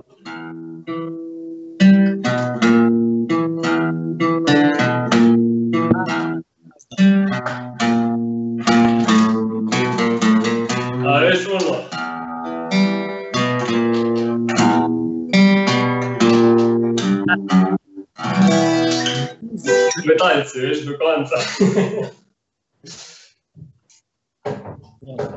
No, in potem smo tega res toliko pre, toliko smo tega prevadili, pa preposlušali. Veš, da sem poslušali, pa zatem smo bili takoj naslednji koncert, ko je bil uh, Def Leppard, Mhm. gost Brian May, je prišel zraven za igrati Here I Am. Oziroma, še prej so bili uh, Extreme, no, no, Batman Court, veš. Mm.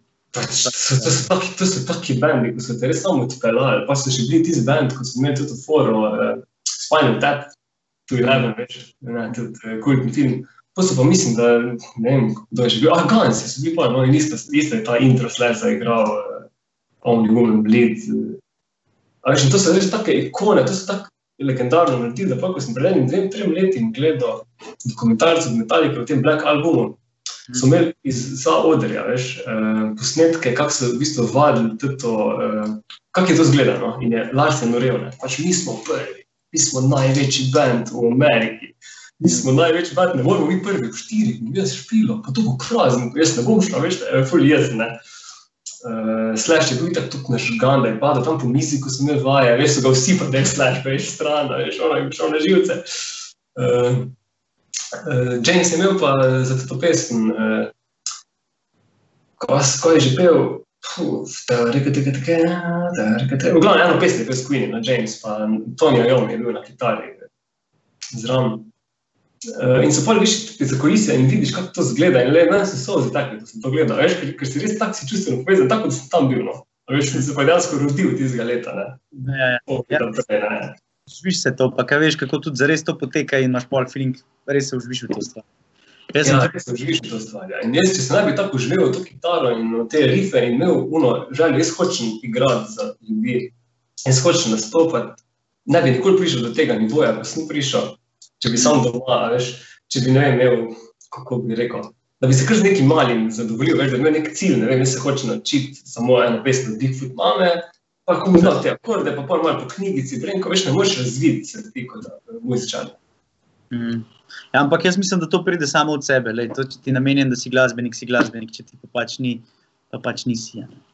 Ja, res sem se s športom ukvarjal, tako ti isto, nogomet sem probal trenirati, mi ni šlo, pa sem probal trenirati rokomet, celje je itak, a veš, rokometno mesto. In sem bil čist, čist korekten igralec do tega obdobja, ko sem začel se za kitaro zanimati, veš, tisto leto so bili celjani zmagali Ligo prvakov, Mhm. kar pomeni, da so bili evropski prvaki, klubski, ne. Si predstavljaš danes, pač to je nerealno, da ti uspe pač s takim budžetom, ko ga imajo Slovenci, premagati Barcelono, mislim, so premagali. Premagali so Paris Saint-Germain, nisem imel za kruh, ne, pa da imaš pomen. In takrat, ko so, ko so zmagali naši, uh, je bila itak uh, žurka v celju na... Uh, jaz sem se takrat že malo zanimal za kitaro, ampak ne še pa ful. Tako malo sem že roko to spremljal. In smo imeli par koncert, ko smo čakali, ko so oni leteli iz uh, Nemčije, ko so finale odigrali, ko so pač uh, osvojili to, ta pokal, uh, so šank roki igrali. Mm. A veš, pa sem 13 let star muzično igral, jaz sem imel in sem gledal Bora, ko je še takrat šank roki igral. Mm. Pa tudi uh, pred areno, tam Petrol, pa Zlato rok dvorano, tako veliko dvorano, veliko parkirišče v celju, ja, v glavnem, je bilo nabito polno, se pravi, da je bilo ljudi 10 tisoč plus, ne. In tako je tudi njim dogajalo, se to v Sloveniji, 10 tisoč plus koncerti, Res redko je. Ja. ali pa 5 tisoč, se ne vem, se nima veze, koliko je bilo ljudi, ampak pač večina so celjani prišli tja počakati ne, svoje fante. In ko so tam igrali gora, veš, je to, je, to je res tako norel, pa zuljan s tistimi kitarami, pa tappingi, pa Ja, hudo, noro, noro. Se mene so, mene so imeli, pač to je to. Eh, In pa, ko sem še videl, veš, pa, pa je glih prišel v, Celje, v Ljubljano, sta prišla leta 2014, je bilo to na gitar trio, Steve in Trijani, pa tisto leto bi še mogel biti uh, malen stin zraven. Ampak v Evropo ni hotel gospod Ingvene. Je rekel, ne, Evropa pa ne gre, jaz sem Amerika, veš, ne ljub se mi. Uh, in je prišel Robert Fripp, Fripp, ne vem, če poznaš. Robert Fripp je slide. Mislim, da igra slide, pa neki s terminom, pa te stvari, veš, tako full, full vintage kitarist. No. Če, am, mislim, jaz ga nisem razumel takrat, pa tudi nikoli mu nisem neki full namenil časa. Takrat sem bil še čist majhen. In... Mhm. Ampak zdaj, ko sem to videl, veš, v živo, pač ne vem, poln eh, hala Tivolja, veš, se pravi, da Sloveniji imamo fanbase, tako glasbo, itak ne. Se tudi vedno, ko so prišli, ne vem, to, to, ko so prišli Dream Theater, to je vedno razprodano, ne, pač mislim razprodano. Po večini se to polni koncert. Ja, čeprav danes pa ne vem, ali še ali ni. No, ne. Jaz recimo sem bil, sicer niso bili, niso bili rokerji eh, na Ramacoti, jaz sem šel v Erosa, lanski, pa, pa ni bilo razprodano, ne. v bistvu je kar manjkalo. Pa je huge, on je pač v Evropi en izmed največjih, ne, kar se tiče popa. a Ne. Ja, sigurno, ja, mislim. A ne, in, Tak, ne, to je tak hit, da je pač, telefonček, sorry. dva, Ja, tako da zanimiv, zanimiv. zanimiv. Super, to je res. Tako, ne. Kaj si še kaj gledal od koncertov? A uživo ali uživo? Kaj si še kaj šel? Metaliko sem šel gledat, to je bil pa mislim, da je en prvih koncertov večjih, ki sem jih šel gledat v Zagreb. Hm? Kaj praviš? A da ti je kul, cool, znajs, da imaš lajki, subscribi, pošeri med frende, pa napiš kak koment. Potih pa tako nikoli, pa si to, ne vem, ker tak feeling imaš, da ta stvar ne obstaja, da je to nek uh, junak, a veš, da je to nek Superman ali pa da je to nek Batman ali kakorkoli. Pa Sej, sej je nekaj takega. Ja, nek, tako smo mi to dojemali. Ne? In pol dejansko pridejo na oder tam v Zagrebu in tako začnejo špilati. Pa, pa si rečeš, da okay, oni so res, ni to božiček, ki ne obstaja. Veš? in pa to smo bili dobri, to smo bili še v osnovni šoli. Ja, to je še hujš, to je hujš, ki si osnovna šola, to najbolj dojemaš čustveno. In mi smo imeli res minute, takrat na Iron Maiden, na, ja, srednji, pardon. ja. ki so bili Iron Maiden v Ljubljani. Kaj? V Ljubljani so bili Iron Maiden. Ja, ja, to vem, ampak to je bilo pa tudi že. pff. Tivolju, na Tivolju, ne v Tivolju, ne, na, Bežigradu. Za Bežigradu tako, ja.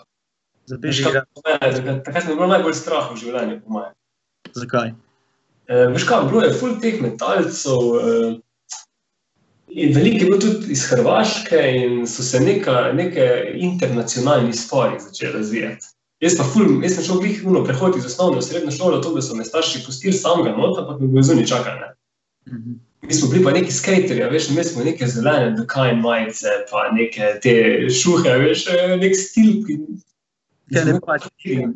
Da nas je narezal, veš, smo imeli fini, pa veš, in so nas ful grd gledali, ono pa dolge brade, veš, pa dolgi las in vidiš te ljudi in sem rekel, jaz nikoli ne bom metalec, jaz se bojim teh ljudi.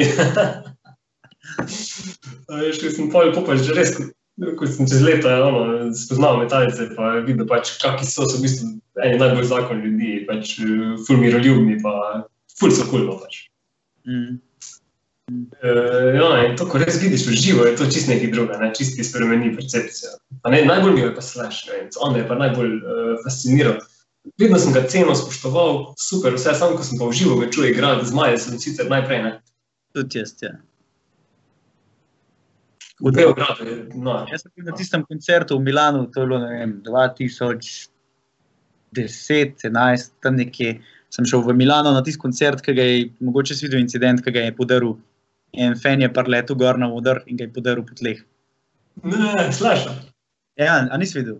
Pač mi smo tam, gledali smo koncert in tam je bil pa nek italijan, ki je splezal čez ograjo. Jaz sem prav videl, ker nisem videl, kaj je zlezel čez ograjo in je tako začel teči z zadnje strani odra, se pravi, kot da bi za odarja prišel od zad gor, po stopničkah gor in on ga je hotel ubiti. Pač on je hotel ubiti Slasha, pač, ker očitno je bil tak fan. Ali pa je bil sem zraven, pa pač Anes je bil Superman. No, in je po moje pač preveč, uh, pač, Ja, silo je gor prišel. A veš, in on je pretekel gor in ga je hotel ubiti Slasha. In v tistem trenutku, ki ga je skoraj ubil, je preletel varnostnik in ga je iz hrbta porinil in sta oba z varnostnikom padla dol z odra v prvi vrsti. na tisti, je pa vrgel kitaro po tleh in je z, z, glavo kitare zabol v monitor in je utrgal uh, uh, navijalec na kitari. Oziroma, uh, in bolj še neki se še matral, Slash, lik switch alt je bil solo. Um, ampak je mu utrgal struno, pa cel, pa cel, cel sistem. Tako da pol je v bistvu sam tako roke dvignil, pa se preklonil, folk pa aplaus. Pa mu je pa takoj ta gitar tek prinesel novo kitaro in so nadaljevali. Tako da je zelo zanimivo. Zakon, ja, zakon. Ne, ampak res, da ti povem, jaz, ko sem šel na Slash, prvič v Beograd, smo šli takrat, ko je bila ta turneja vredna isti let. Po mojem, nista zmaja. Sem. Prvo platano od Slasha. Tako, ja, ta rock and fucking roll. Ja. Sem naredil, ja. To so ti coveri, kot pa Maja, sta pač potegne zraven. Sem imel Slash and Maja featuring Conspirators. Ne. Ja, ja. Pač nerealno, res, koliko ima energije. Ti pa ful je, ful mi je fajn, te, te uh, veličine rokerske videti na malih uh, dvoranah, malih dvoranah, kot so stolžice. a Veš, se pravi, da ni stadion, ker stadion se izgubi se energija.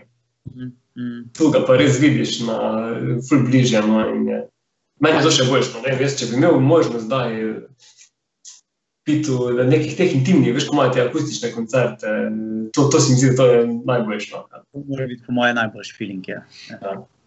Isto to, ko sem gledal, ko ima Metallica včasih za fane organizira, veš, da pridejo te njihove headquarterje, ki imajo studio in uh, se pač fani pridejo zraven in pa oni džemajo in špilajo, veš, in oni imajo zelo tak ta uh, fan, uh, oni se zavedajo, da so pač tam zaradi fanov, ne. Pač oni prodajajo njim svojo zgodbo, svoje izdelke, pač ne bi bilo fanov Metallica, ne bi imela toliko uh, kumana. In oni to zelo cenijo in jim zelo nazaj to vračajo na tak način. Ja, Zavedajo se, da ljudje zaradi ljudi so tako uspešni, kot so pač vse in jim vračajo to na ta prav način. Ja, ja, in tudi to, veš, da koncertirajo konstantno. In tudi mislim, da so oni zaradi tega tako velik bend, ker nikoli niso nehali dejansko kot metalika igrati in niso nikoli pač dejansko razpadli, se skregali, nehali to delati. Ampak pač so skozi ista familija, isto, dobro, že sem jaz basisti, mal križ. Ampak tudi konc koncev je bil eden z njimi deset let, eden se je smrtno ponesrečil, pa ta je zdaj tretji dejansko, ko je tudi z njimi skosla. Ja, pa nikoli niso, a veš, oni nikoli niso sledili trendom, veš, oni so še zmeraj tako, kot so bili. Mogoče je malo se zvrst zamenjali, čist malenkostno, ampak niso šli pa, ni pa tako, kot so prej govorili o več Šironu, ki je dejansko res. Ki pa ne, se to sploh ne moreš primerjati. Ja. Ne. Ačiren je pop, čisti pop artist, ki pač je proti metaliki, proti tem veličinam, on ni tok, uh, ko bi rekel, on je zelo trendovski, no, proti njim, oni pa res niso bili nikoli. Ja. In to te pa na dolgi rok te to zna, jaz mislim. Queene, a ne, Queeni so bili, ne, pa so bili še zmer zelo, zelo priljubljeni, v bistvu skozi bolj. Ker recimo Freddy, če si gledal film od Queenov, Freddy je hotel pol mal diska, pa je rekel, jaz hočem klube špilati, jaz hočem delati take stvari, da sem mogoče bližji s folkom, pa hočem biti modern. In jaz verjamem, da če bi, če bi Freddy danes bil še zmer živ, da bi se tudi mogoče sem pa kaj lotil kakšne take stvari, ki se je širen lotil, se pravi z, s kakšnimi DJ-ji, s kakšnimi takimi stvarmi. Se recimo on komat Monkey Business, če poznaš od Queenov, Diro, Diro, Rero, je v bistvu, to so v bistvu začetki hausa, a ne. Ja, ja, to so tudi disko. Disko era. Veš, kaj Freddy je bil zelo vsestranski umetnik. Ne? In um, a veš, on, on je bil drugačen artist kot pa Metallica. Ne?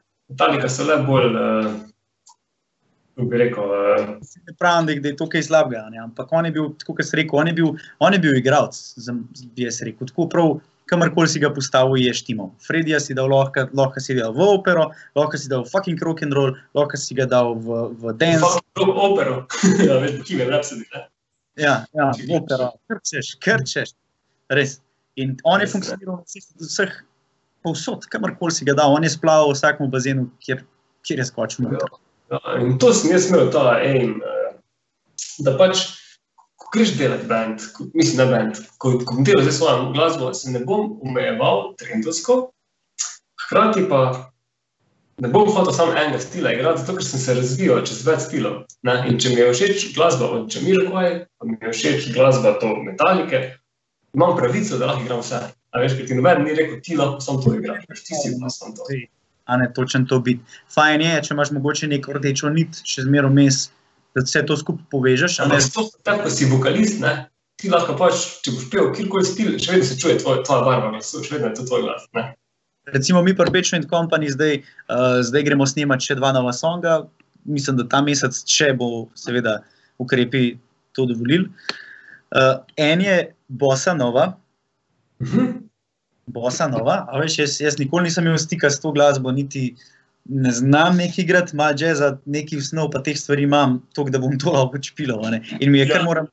Ker, ker hud izziv, no, meni to. Sicer Bobnar, Anže Žurbi je, recimo, on je vrhunski Bobnar, ki je tega prešpilal še pa še, basist naš Vigec je tudi basist, ki je preigral zelo velik jazza in njima je to zelo, zelo domače. Recimo Bečo tu To je fajn to igrati. večjo tu pevcu, tudi moj lik je ne toliko uh, uh, uh, bliska mena, ne pač noben ni tega igral, žiga, klaviaturist, on je pa tudi preigral vsega že toliko, da pa se mi zdi, da klaviaturisti oziroma pianisti jim je jazz mogoče malo bolj jasen kot kitaristom. No. Se mi zdi, da, da ima ta klasičen oziroma jazzovski stik. Tako da hočem povedati, ja, da pač um, imamo en, zdaj, ki bo februarja prišel ven, imamo en komat, ki je v bistvu čist rokarski, tako riblja čorba varianta. Prejšnji smo ga izdali, so bile, glih, so bile klape noter. Še prejšnji komat je bil country, ta prvi komat je bil tak mal, bom rekel, bom rekel pop. Um, tako, tako kot pravim, pol bo zdaj Bosanova, pol pa pride v bistvu še ven uh, uh, uh, en tak uh, uh, pismo Adis Mular variant. Mislim, ne Adis Mular, ampak uh, Balaševič, tak vaj pa ne. Ja, A veš, zelo zanimiva plata bo, ki jo bomo pa na koncu skupaj zavezali. ne. Se pravi, kot si ti rekel, je pa še zmeraj rdeča nič od, ni- nit od bečota vokala. Ne. Se pravi, vsi, ki bodo videli, da je to ona. Ne. Je pa Zdaj ne- je isti. ni, ampak lej, nam je všeč, ko tako delamo. Lej, pač ne omejujemo se, niti ne, ne gledamo, niti noben producent ne reče, ne, to morate narediti tako, kot je bil prejšnji komat. Ne, lej, pač delamo tako, kot nam paše. In tako, kot komat nam. Vse to je tudi to ful, ful pomeni, no, mislim, to, da, se, da res delaš tisto, kar ti paše, da se ne omejuješ. Pa tudi za koncerte je fajn, da imaš malo bolj raznoliko žanrsko Ja. eh, zadevo, da se ti ne izpoješ. Ne? Ker eh, pri enoličnih bendih, ki imajo eno in isti flow, eno in isti stil, Dolg čas naredi. se, zadeva se ponavlja in bo, bo eh, avtomatsko bo postal dolg čas. Ne? In isti pravim bendom, ki se zdaj grejo avtorsko sceno. Ne? če je songwriting dober, da so res catchy, pa dobri komadi, pol ti ne bodo včasih. Če bojo pa bosta pa dva malo zamašilo zraven, boš pa že malo na uro pogledal ali pa šel popirti čez. Sam ti povedal, da si bo šel po pir, ker tudi jaz, ko sem šel gledati res velike bende, vrhunske bende, ki sem poznal komade, pa če se jim ni nič zgodil, stilskega, ne? A veš, če ti poslušaš, ne vem, zdaj dal primer, tak en res kultni primer, Motorhead, Mhm. res lem je rock and roll mašina. Ja. Ampak vse res bi imel na tistem koncertu, bi, bi rekel, super, le 4, 5, 10 komadov, noro, da ima zdaj pri 11. povabiti, prosim, uh, Jamesa, pa naj James poje. Zdaj zdaj še Dave Grohl, a veš, kaj hočeš reči? Daj malo mi zameni ta rock and roll, eno in isti, ne? In to imam tudi take neke uh, želje, velike, da bi naredil koncert v tem stilu, kot Queenie, a veš, da delaš priredbe v malo drugačnih žanrih, pa z različnimi pevci, pa da ga ful seka. Ne? Ne vem, predstavljaj si, da delaš tako, kot so delali. Uh, Dan desi Dalta. Top, Oh, top. top, top. Meni je bilo to, to zakon. Lej, uh, pa tudi konec koncev, ko so delali Bigfoot Mama, pa slak, lej, še vedno top, ker je pač Good. Dober, ampak tle kulturni šok. Kulturni šok. A ne, tle je bil samo en komad, zdaj da bi, jaz si ne predstavljam, da bi cel koncert zdaj narodno zabavno špilal, uh, ne vem, si dartine komade in obratno, ne, pač to si jih ne predstavljam. Ampak če se Če koncert 15 let nazaj, uh, pardon, za obletnico, 15. obletnico Bigfoot mame so povabili Sidarto in razno razne bende, ki so igrali njihove komade.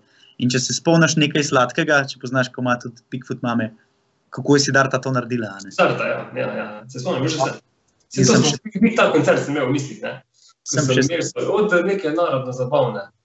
Sem še govoril, a veš, in sem rekel, Tomi, enkrat smo se srečali, sem rekel, pismo Tomi, ej, to ste pa res dobro naredili. Mislim, da so še celo nekje nekaj eno dobo komada ven vzeli, da bil, mislim, da je bil sedem usminc ali nekaj takega, na nekih delih rifa ali kako. Ampak to je bilo res dobro, se še, še to mi sam rekel, rekel, pismo tole nam je pa res, res dobro ratalo. In vsaka čast. ne. In tako, kot so naredili tudi Sidarta, ki so naredili priredbo od višine se zvrti od vlada Kreslina, ne. ful dobro. In tudi učenci, ki k meni hodijo, ki se učijo, pa kjer komad bi se naučil, ja, od višine se zvrtijo, ok, pa jaz dam od vlad, vladeka gor. Pa prav ne, to pa ni ta pesem. Pa je, aha, ok, ok. Ampak ne pravim, da je vlada ta slaba, vlada ima pač. Ne, normalno, pač vse on je napisal, da se ko bo slava. Ampak, Eh, Jaz isto, včasih rad kako preobleko poslušam. Ne, vem, to mi je bil res recimo Hendrix genij. ne. Hendrix je s temi coverji naredil vse. Ne? A Veš, in to je vedno mladim bendim, ko se gre avtorsko sceno, vedno jim na srce polaga. Fanti, če imate deset avtorcev, dajte eno priredbo, ko je v tem vašem univerzumu, ko jo igrate v tem stilu, dajte eno zbrati. Slovensko, nemško, francosko, angliško, ameriško, karkoli. Sam dajte vmes, dajte po treh komadih, avtorskih, štirih, eno priredbo udariti, samo to, da boste folk zbudili. Ker folk si bo zapolnil, če boš ti igral, ne vem, tri naš komade, Mhm, pa boš četrtega zašpilo po svoje, Nokia in Heaven Doors, mhm. bo eh, enega to tako da bo rekel, kak je pa neš zašpilo Nokia in Heaven Doors, Dems, to moraš čuti, a veš. In to je tisto, kar bo pa naredil, res to. to. Um, tvoj performance ga bo začel. ne. Res igrati res na svoj način, a veš, ne zdaj, da narediš isto, kar so Gansi naredili, pa probaš imitirati Exla. Ne, ne, veš, to je ni cover, ne. To je, to, to si pa ta tribute, to je pa tribute. Ne. Ampak vse veš, ve- večina danes eh, bendov, ki igra priredbe, naredijo po aranžmajih, ki so bili posneti na platni. A veš. Ja. Tako da fajn je, da ga oblečeš polčist na svoj način, kot je to naredila Sidarta z, z ne. Točno to, recimo, ali pa Guns je z Nokia in Heaven Doors. ne. Jaz vedel, da Sidarta ima res svoj signature sound. Veš, oni, oni so bili takrat že pač veliki. In folk je vedel, kakšen sound ima, kakšen vokal ima Tomi in oni so to pač naredili čist po svoje in čist po njihovo in je bilo to top shit. ne. Samo Zdaj- če se spomniš, bilo kjerga benda, ne.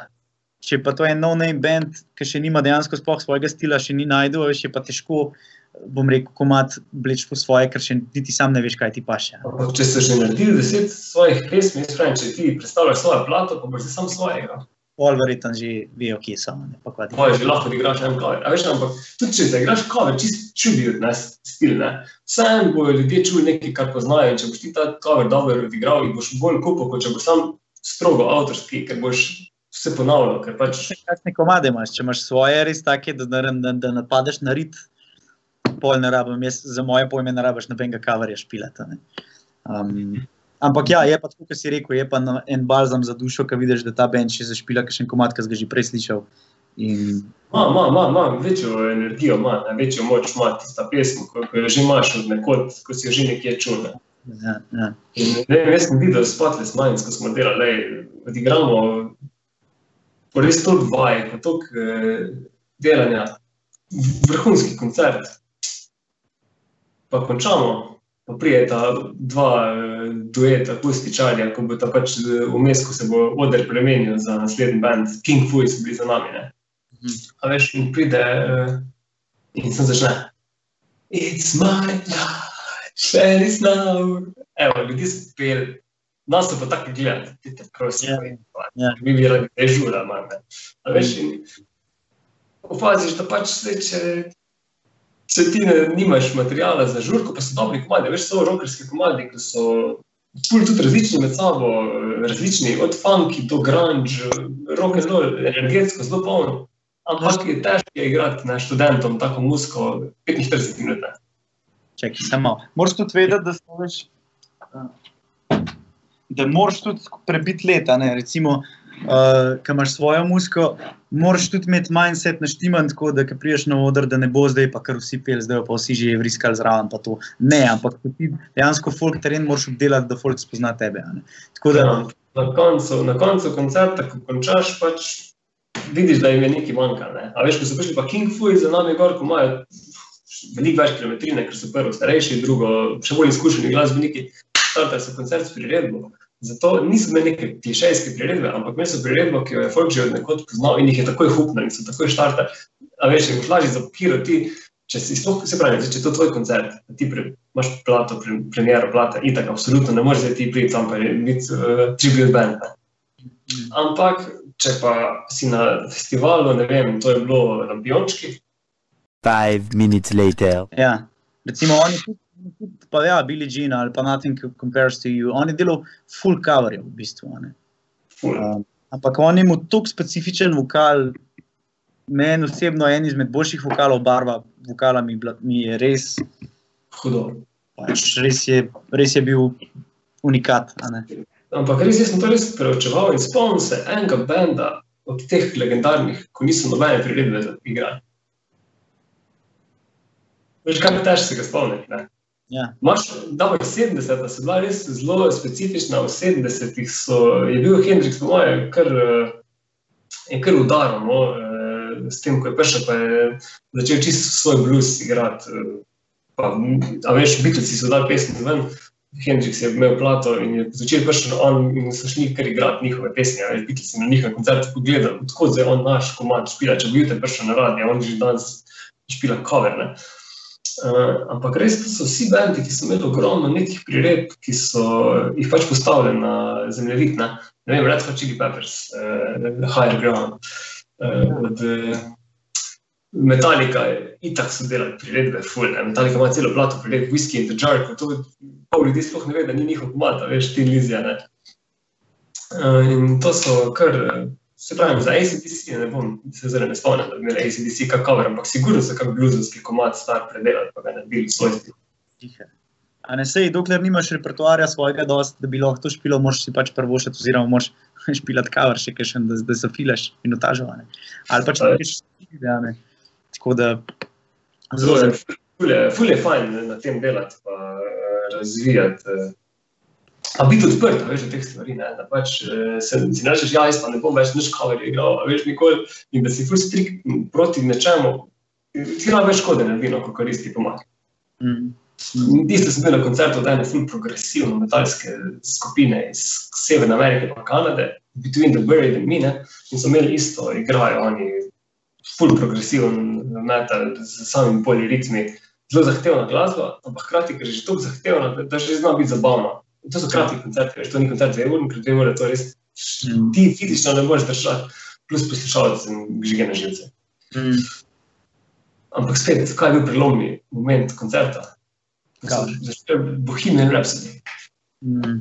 A veš, v tem se je, ono, oh, pa smo vsi bili progresivni metalci, samo ko so oni zašpilali. To je to simpel pesem, zato ker je ritmično in simpel, ne.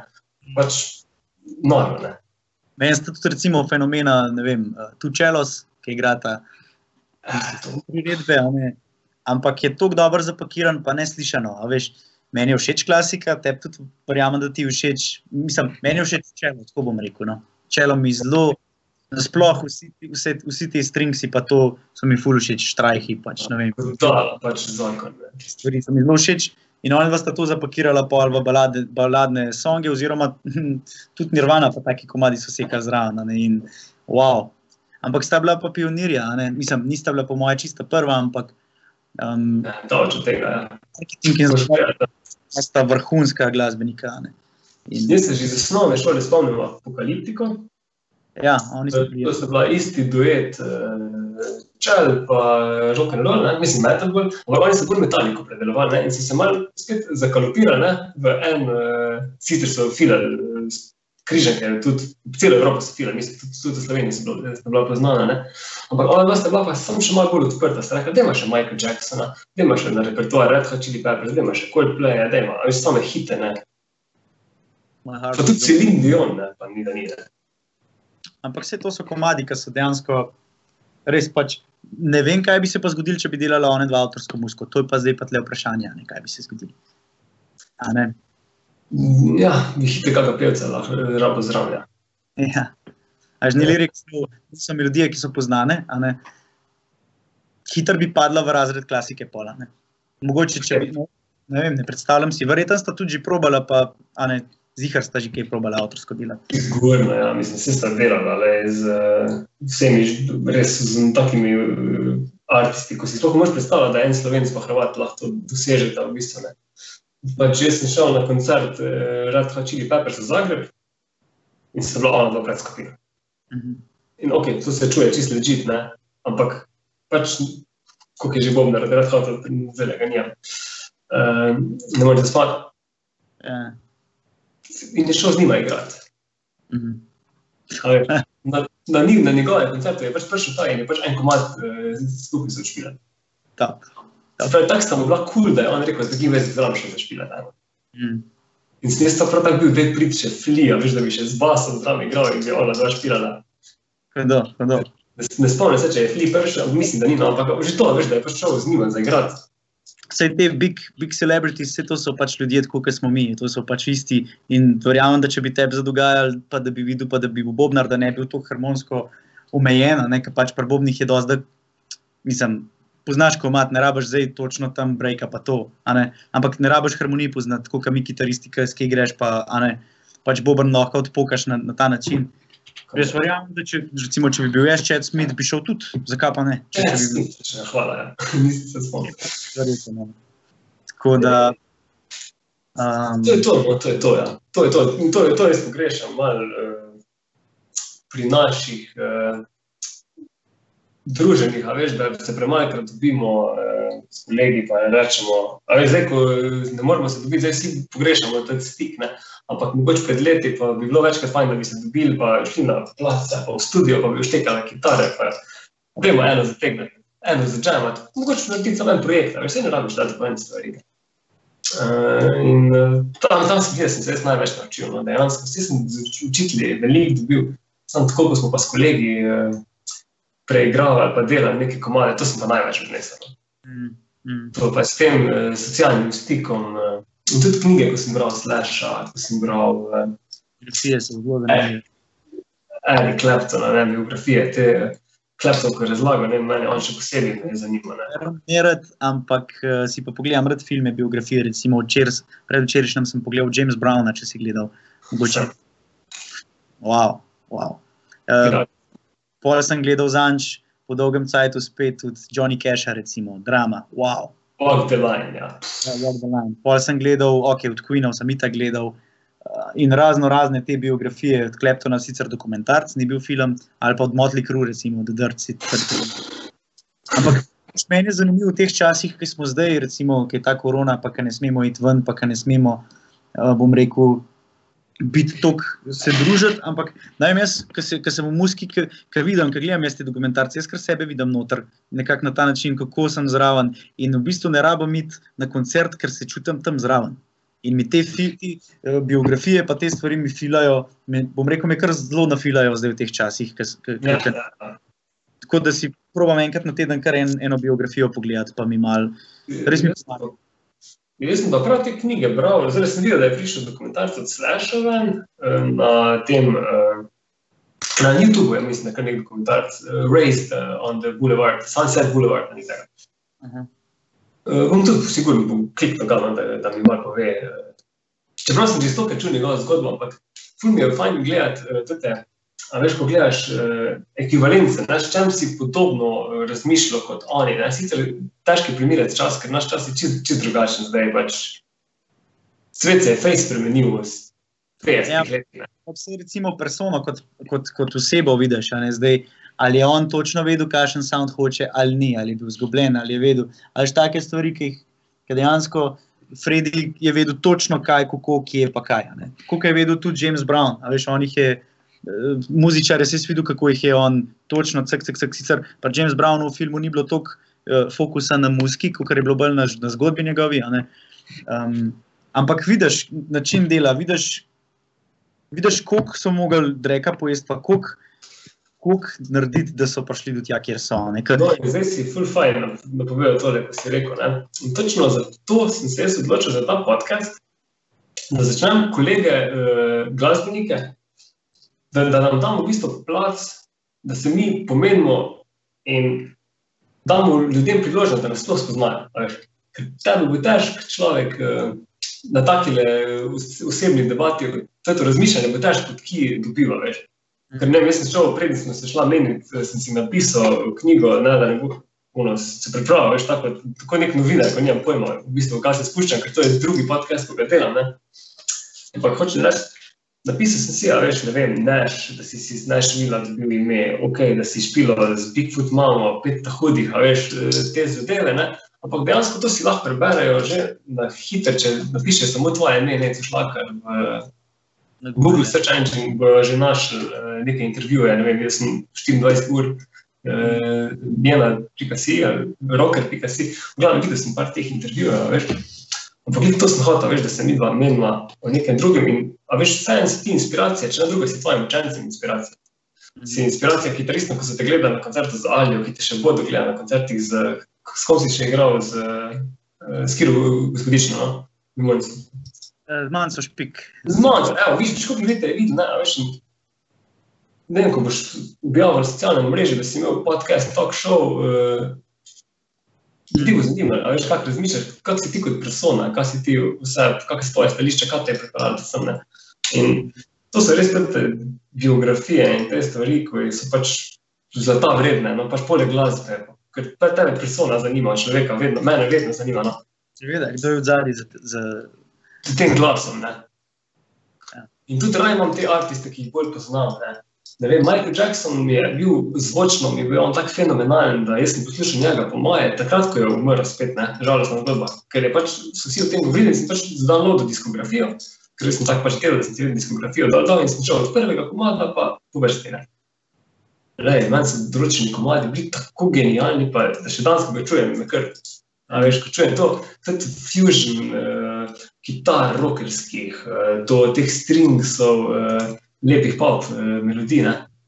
A veš, ampak ker ga pa nisem to osebno kot persono vedel, v njem vedel sem, da so ogromno nekega balasta okoli njega in skozi bilo nekih uh, zgodb, ki pač so ali niso, ko me v bistvu sploh ne zanima. Ker eh, ne bom več spremenil s tem, če bom vedel, ne, dejansko, kaj se mu dogaja. Ampak o njemu samem pa nisem to vedel do tistega filma, veš, ko je prišel ven, eh, če si gledal, ko so se pripravljali na ta zadnji koncert. Mhm. No, in tam so spet videl, veš, kako eminenco v bistvu gre, ne? zakaj on pač princ. Mhm. Ker je se predstavljal tam in poslušal, spet tako James Brown, čakaj, ima, tule si zaigral. Pa ko je pokazal klaviaturistu, kaj je zaigral, jaz sem tudi takrat v kino, tako, čakaj, če to je isto obakrat bilo, a veš. Ampak je šlo za neko drobno sinkopico, neko je sploh nisem jaz kot res, res posvetil glasbi, nisem čul detajla.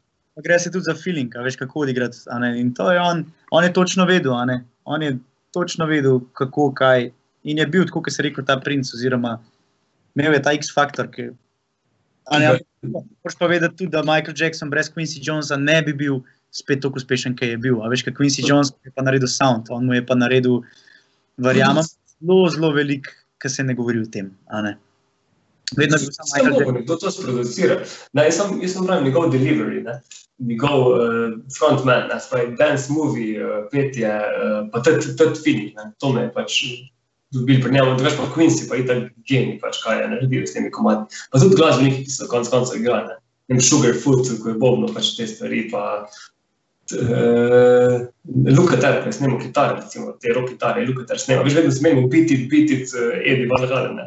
S Edi tudi snemal, ja. Ja. Edi ni, ampak veš, da Edi mu ni smemo biti, dejansko komada. A ne? A je bil Luka? Edi je snemal samo sol. Aha.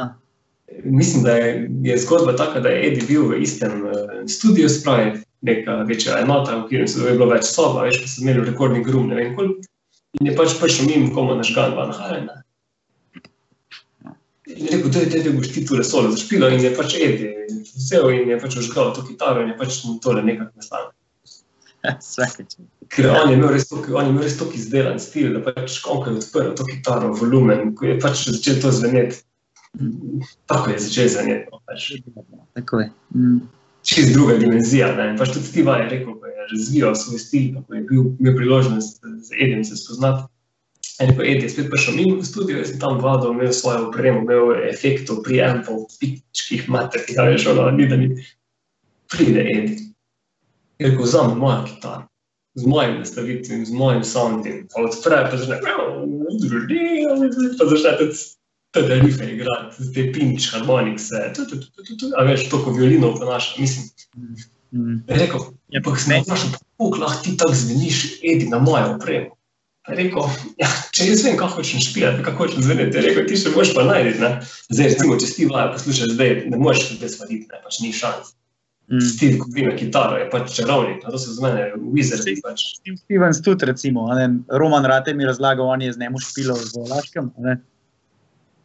In je rekel, da pač tam so, mislim, da so bili nek, neko štorijo mi razlagal, da so bili odzad v backstageu ali kako.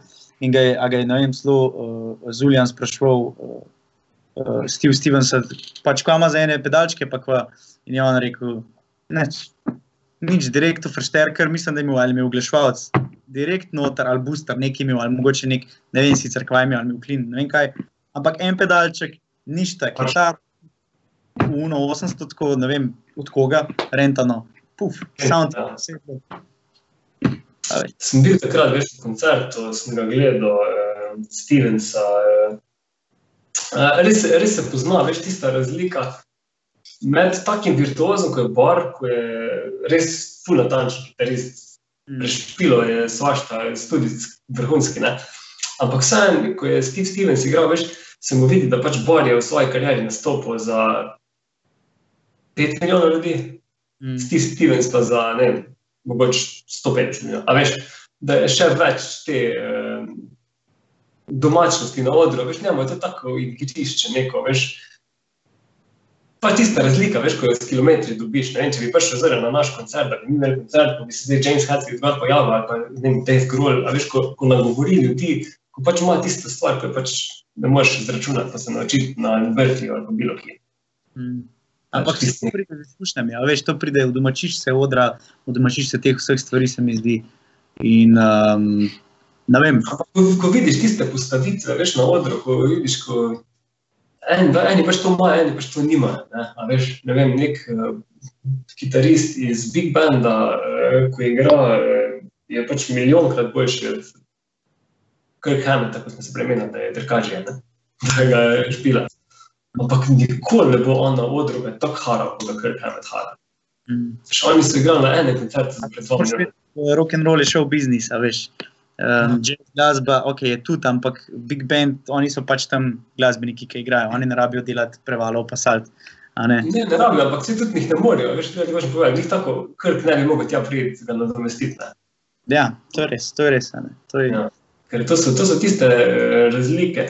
Je pa prav, da ti najdeš sebe v tem, kar ti je noro. Veš, ker se jim stavi, da tisti človek, ki igra v Big Bandu, ne žaluje, jo, zakaj jaz nimam koncerta, pa da igram treh akordov pred full folk. ne. Oni so izpopolnjeni tam, ko so. Glih tako so ti ljudje tam izpopolnjeni. ne, ko strinjam. Veš, isto sem študiral, kako se moraš počutiti, ko igraš vsak večer, nothing else matters, ko ni za glih pesem za vsak moment. Ne. In sem si pa v bistvu odgovoril, ko sem pač videl tisti moment, veš, v filmu, ko so ga tako fajn pokazali, ko je Freddy bil love of my life. Mm. A veš, ko ti to ljudi nazaj da ta appreciation, pa ko se joče, pa ko res si, mogoče je ta pesem celo rešila life. Mm. Ne, take, take depresije, pa ko si zavrtiš Nothing Else Matters, ali pa Love of My Life, ali pa bilo kiro pesem, ki ti je pač Mm. ima nek tak message. Ne. Mm. To, to je res tisti naj, najglobji čutek, ko ga ti nekomu sprožiš in te pa on nazaj vrne, s to ti ima prišnešni, ko ti nazaj poje, ali ko ti prge lučko, veš, ko, in niti problem po moje za igrati, pa če bi dvakrat izvečer mogel igrati Nothing Else Matters, ko ti je še vedno to noro. Mm. To sem se večkrat spraševal, ja, pa tak je, to, zdaj, zdaj to tako razumem.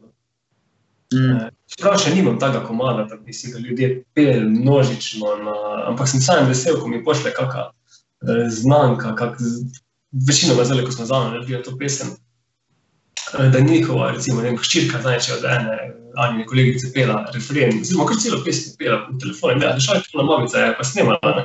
Veš, in se ti zdi zakon, ne, a veš, da, da si pač naredil nek tak izdelek, ki je človeku blizu. Mm. Isto, isto, ko si ti igral z Alijo, pa jaz, ko sem igral, veš, noro je, ko pač igraš pesem, ko vidiš, da jo je dva milijona ljudi si že poslušal, pa jim je pač všeč pesem in, in pač sporočilo je pozitivno in jim pač pošleš dobre vibracije. Mm. Mm. To je po mojem ful zakon. Dober feeling je, ja. res, da dobiš eh, odziv za to, kar si delal, kar si garal, da ti ne vem, kdo to zapoje ali pa da ti kdo. Vse je že dosti, da, da, da ti ne vem, komentira na, na ta način, da, da mu je všeč ali pa da vidiš, da, da dejansko delaš dobro. a ne. Zdaj, veš, glasbenikom mi imamo zelo veliko dvomov, vse pa je dobro, ni dobro. A veš, vse čas se sprašuješ. In tudi, kad delaš komat. Um, v bistvu, kad delaš komat, je to je zelo naporna stvar, ker konstantno se imaš eh, neke odločitve. Ne? Se pravi, bo kitica Hamol ali bo kitica Dedur. Ja. Imaš dejansko vse čas si na nitki, ki se samo odločaš. In to so samo odločitve, ki jih delaš. Ne? Recimo, se ne pravim, da je to samo v muski, ampak nekje sem bral, da Steve Jobs, ne, zakaj je bil on vedno isto oblečen. ne. Aha. On je bil vedno isto oblečen zato, ker ni hotel izgubljati svojih odločitev pri tem, kaj bo imel oblečen.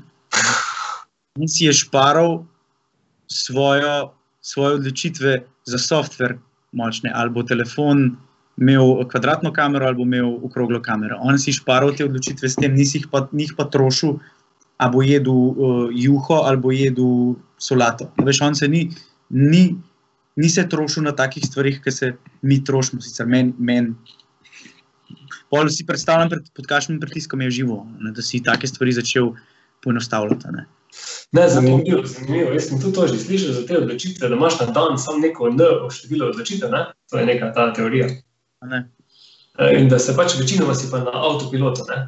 Ja. Pravi, ne vem, da se ne moreš odločiti v bistvu več, kam boš parkiral zdaj avto, še, ker se boš tako mogel še to pa to pa to, pa to odločiti ne, v tistem dnevu. Ne.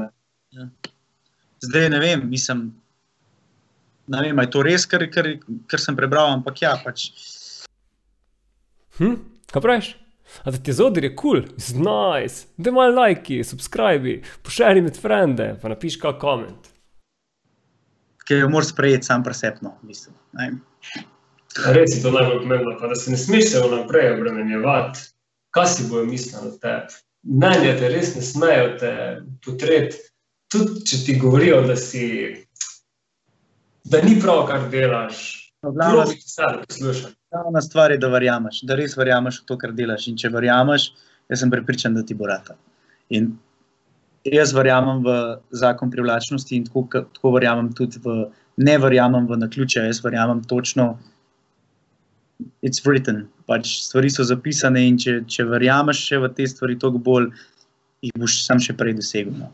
Je pa treba za vsako stvar, ki si jo želiš, je pa treba ogromno delati. Kot so prej govorila o, o, o filmih, biografijah, vidiš lahko, da je bilo tle od zadaj toliko, toliko garanja in za Pa take stvari. Nekega, ne. Tako. Ampak se pa splača potruditi, če si to res želiš, boš to dobil. Ja, Sigurno.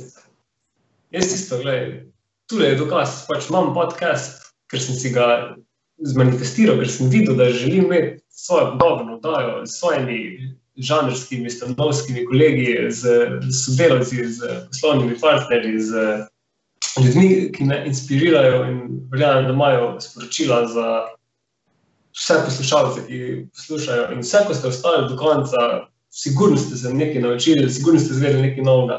In uh, trudili smo se z necem, da damo čim več sebe v ta čat, pa da nekako probamo ne škodovati, pa ne žaliti, pa narediti nekaj slabega nobenemu. To se mi zdi, da je ful pomembno, da se premalo to spomnimo. Ne.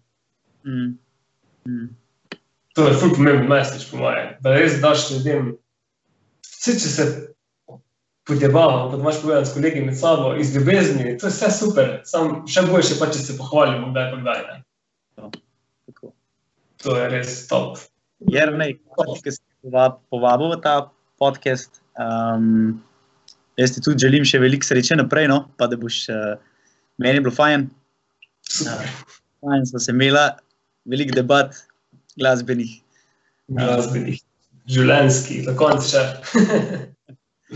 Da Res hvala ti. No, za, Je ful noro, ne, res, eh, se pravi, mi, smo se spoznali na Jazz Campu, si prvič videl, uh, struna mi je šla, Točno, si ja. pomagal, si pomagal kolegu zagati. eh, Na moje fenderci, posodil si mi to slash uh, Gibson, ko, a veš, za les, prvič si me videl, pa si brez težav rekel, hej, izvoli, noč pili.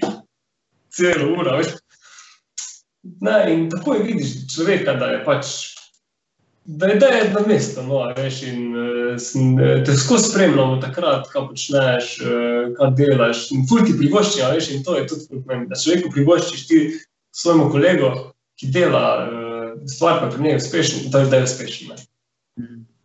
Hvala. In to je to, da privoščiš, a veš, in da uh, si vesel za njih in da pošaraš njihove izdelke. Uh, tudi če imaš tako, jaz čas rečem, pa bom jaz šaral, če imam, ne vem, samo tisoč followerjev, on jih tako ima več. Pa ni res, pošaraš, človeku daš uh, appreciation in bi feeling, uh, hvaležnost se čuti, no. In to je to, je to ne, tako bi rekel, zakon privlačnosti, hvaležnost je ki, ne, pač ful pomemben feeling, ne. Ja, tudi karma, kar daješ, to dobiš. Ne? To moš tudi vedeti. ne. To je, to so, jaz, jaz verjamem v to, ker moja, ne, tako kot sem prej opisal, to je moja vera. No? Se pravi, ne verjamem v naključja, verjamem v to, da kar daš, to dobiš. In uh, uh, verjamem v zakon privlačnosti. Tako da to so nekako moji zakoni, moj kodeks, ki ga držim in verjamem. Moram reči, da zaenkrat. Lej. Brez razočaranja. Verjamem. Ja, vse to je to, to je to, to je res to. Je res malo, to je res fajn slišati, pa fajn je to čim večkrat povedati. Pa naj se vam ne zdi škoda pozitivno razmišljati, pa si predstavljati, da se ti življenje vrti v pravo smer, zato ker pa ga videti, tudi če si v ne glede ne, kak- ne glede na to, kakšni nezavidljivi situaciji si, vedno si moraš predstavljati tako, da že imaš naslednjo situacijo. Da že imaš, ne vem, če si želiš klišejsko stvar, kot je nov telefon, predstavljaj si nov telefon, predstavljaj si lepšo sliko na telefon. Predstavljaj si, eh, da dobiš partnerja, da dobiš karkoli potrebuješ. Vodo, če si noro žen, pršel bo mim tujec, kot ti bo ponudil. In to je to. Pošlješ informacijo v vesolje, vesolje, vesolje posluša in ti to informacijo da. Točno to je. Samo No. informacijo da ti to stvar, ki, ki, ki jo rabiš, ki si jo želiš. Ampak je pa res, da včasih pa ne veš, čist, kaj si želi- želiš, ne? takrat ti pa pol zna biti malo, moraš se pa najti. Ful je pomembno, da se najdeš in uh, je, da se najlažje najdeš, če zadevo pišeš. Če ti napišeš na list papirja ali pa na računalnik, kamorkoli nekaj vrste dnevnik, da pišeš, boš hitro ugotovil, da boš z izločanjem stvari ven iz tega dnevnika, ne vem, če boš videl, da ti pa mogoče ni fajn v tej službi, kot trenutno si in boš to ponavljal cel teden ali pa cel mesec, se ti bo ponudila priložnost za novo. In boš videl, kaj ti ne paše in kaj te ne definira. Ne? In točno zato sem šel izven iz tistih bendov, ker sem, nisem več bil del tega. Enostavno, moja zavest več tam ni funkcionirala in sem mogel biti stran, zato da sem si nove poti zgradil. Stari zakon, zakon, to je bil res dober tip.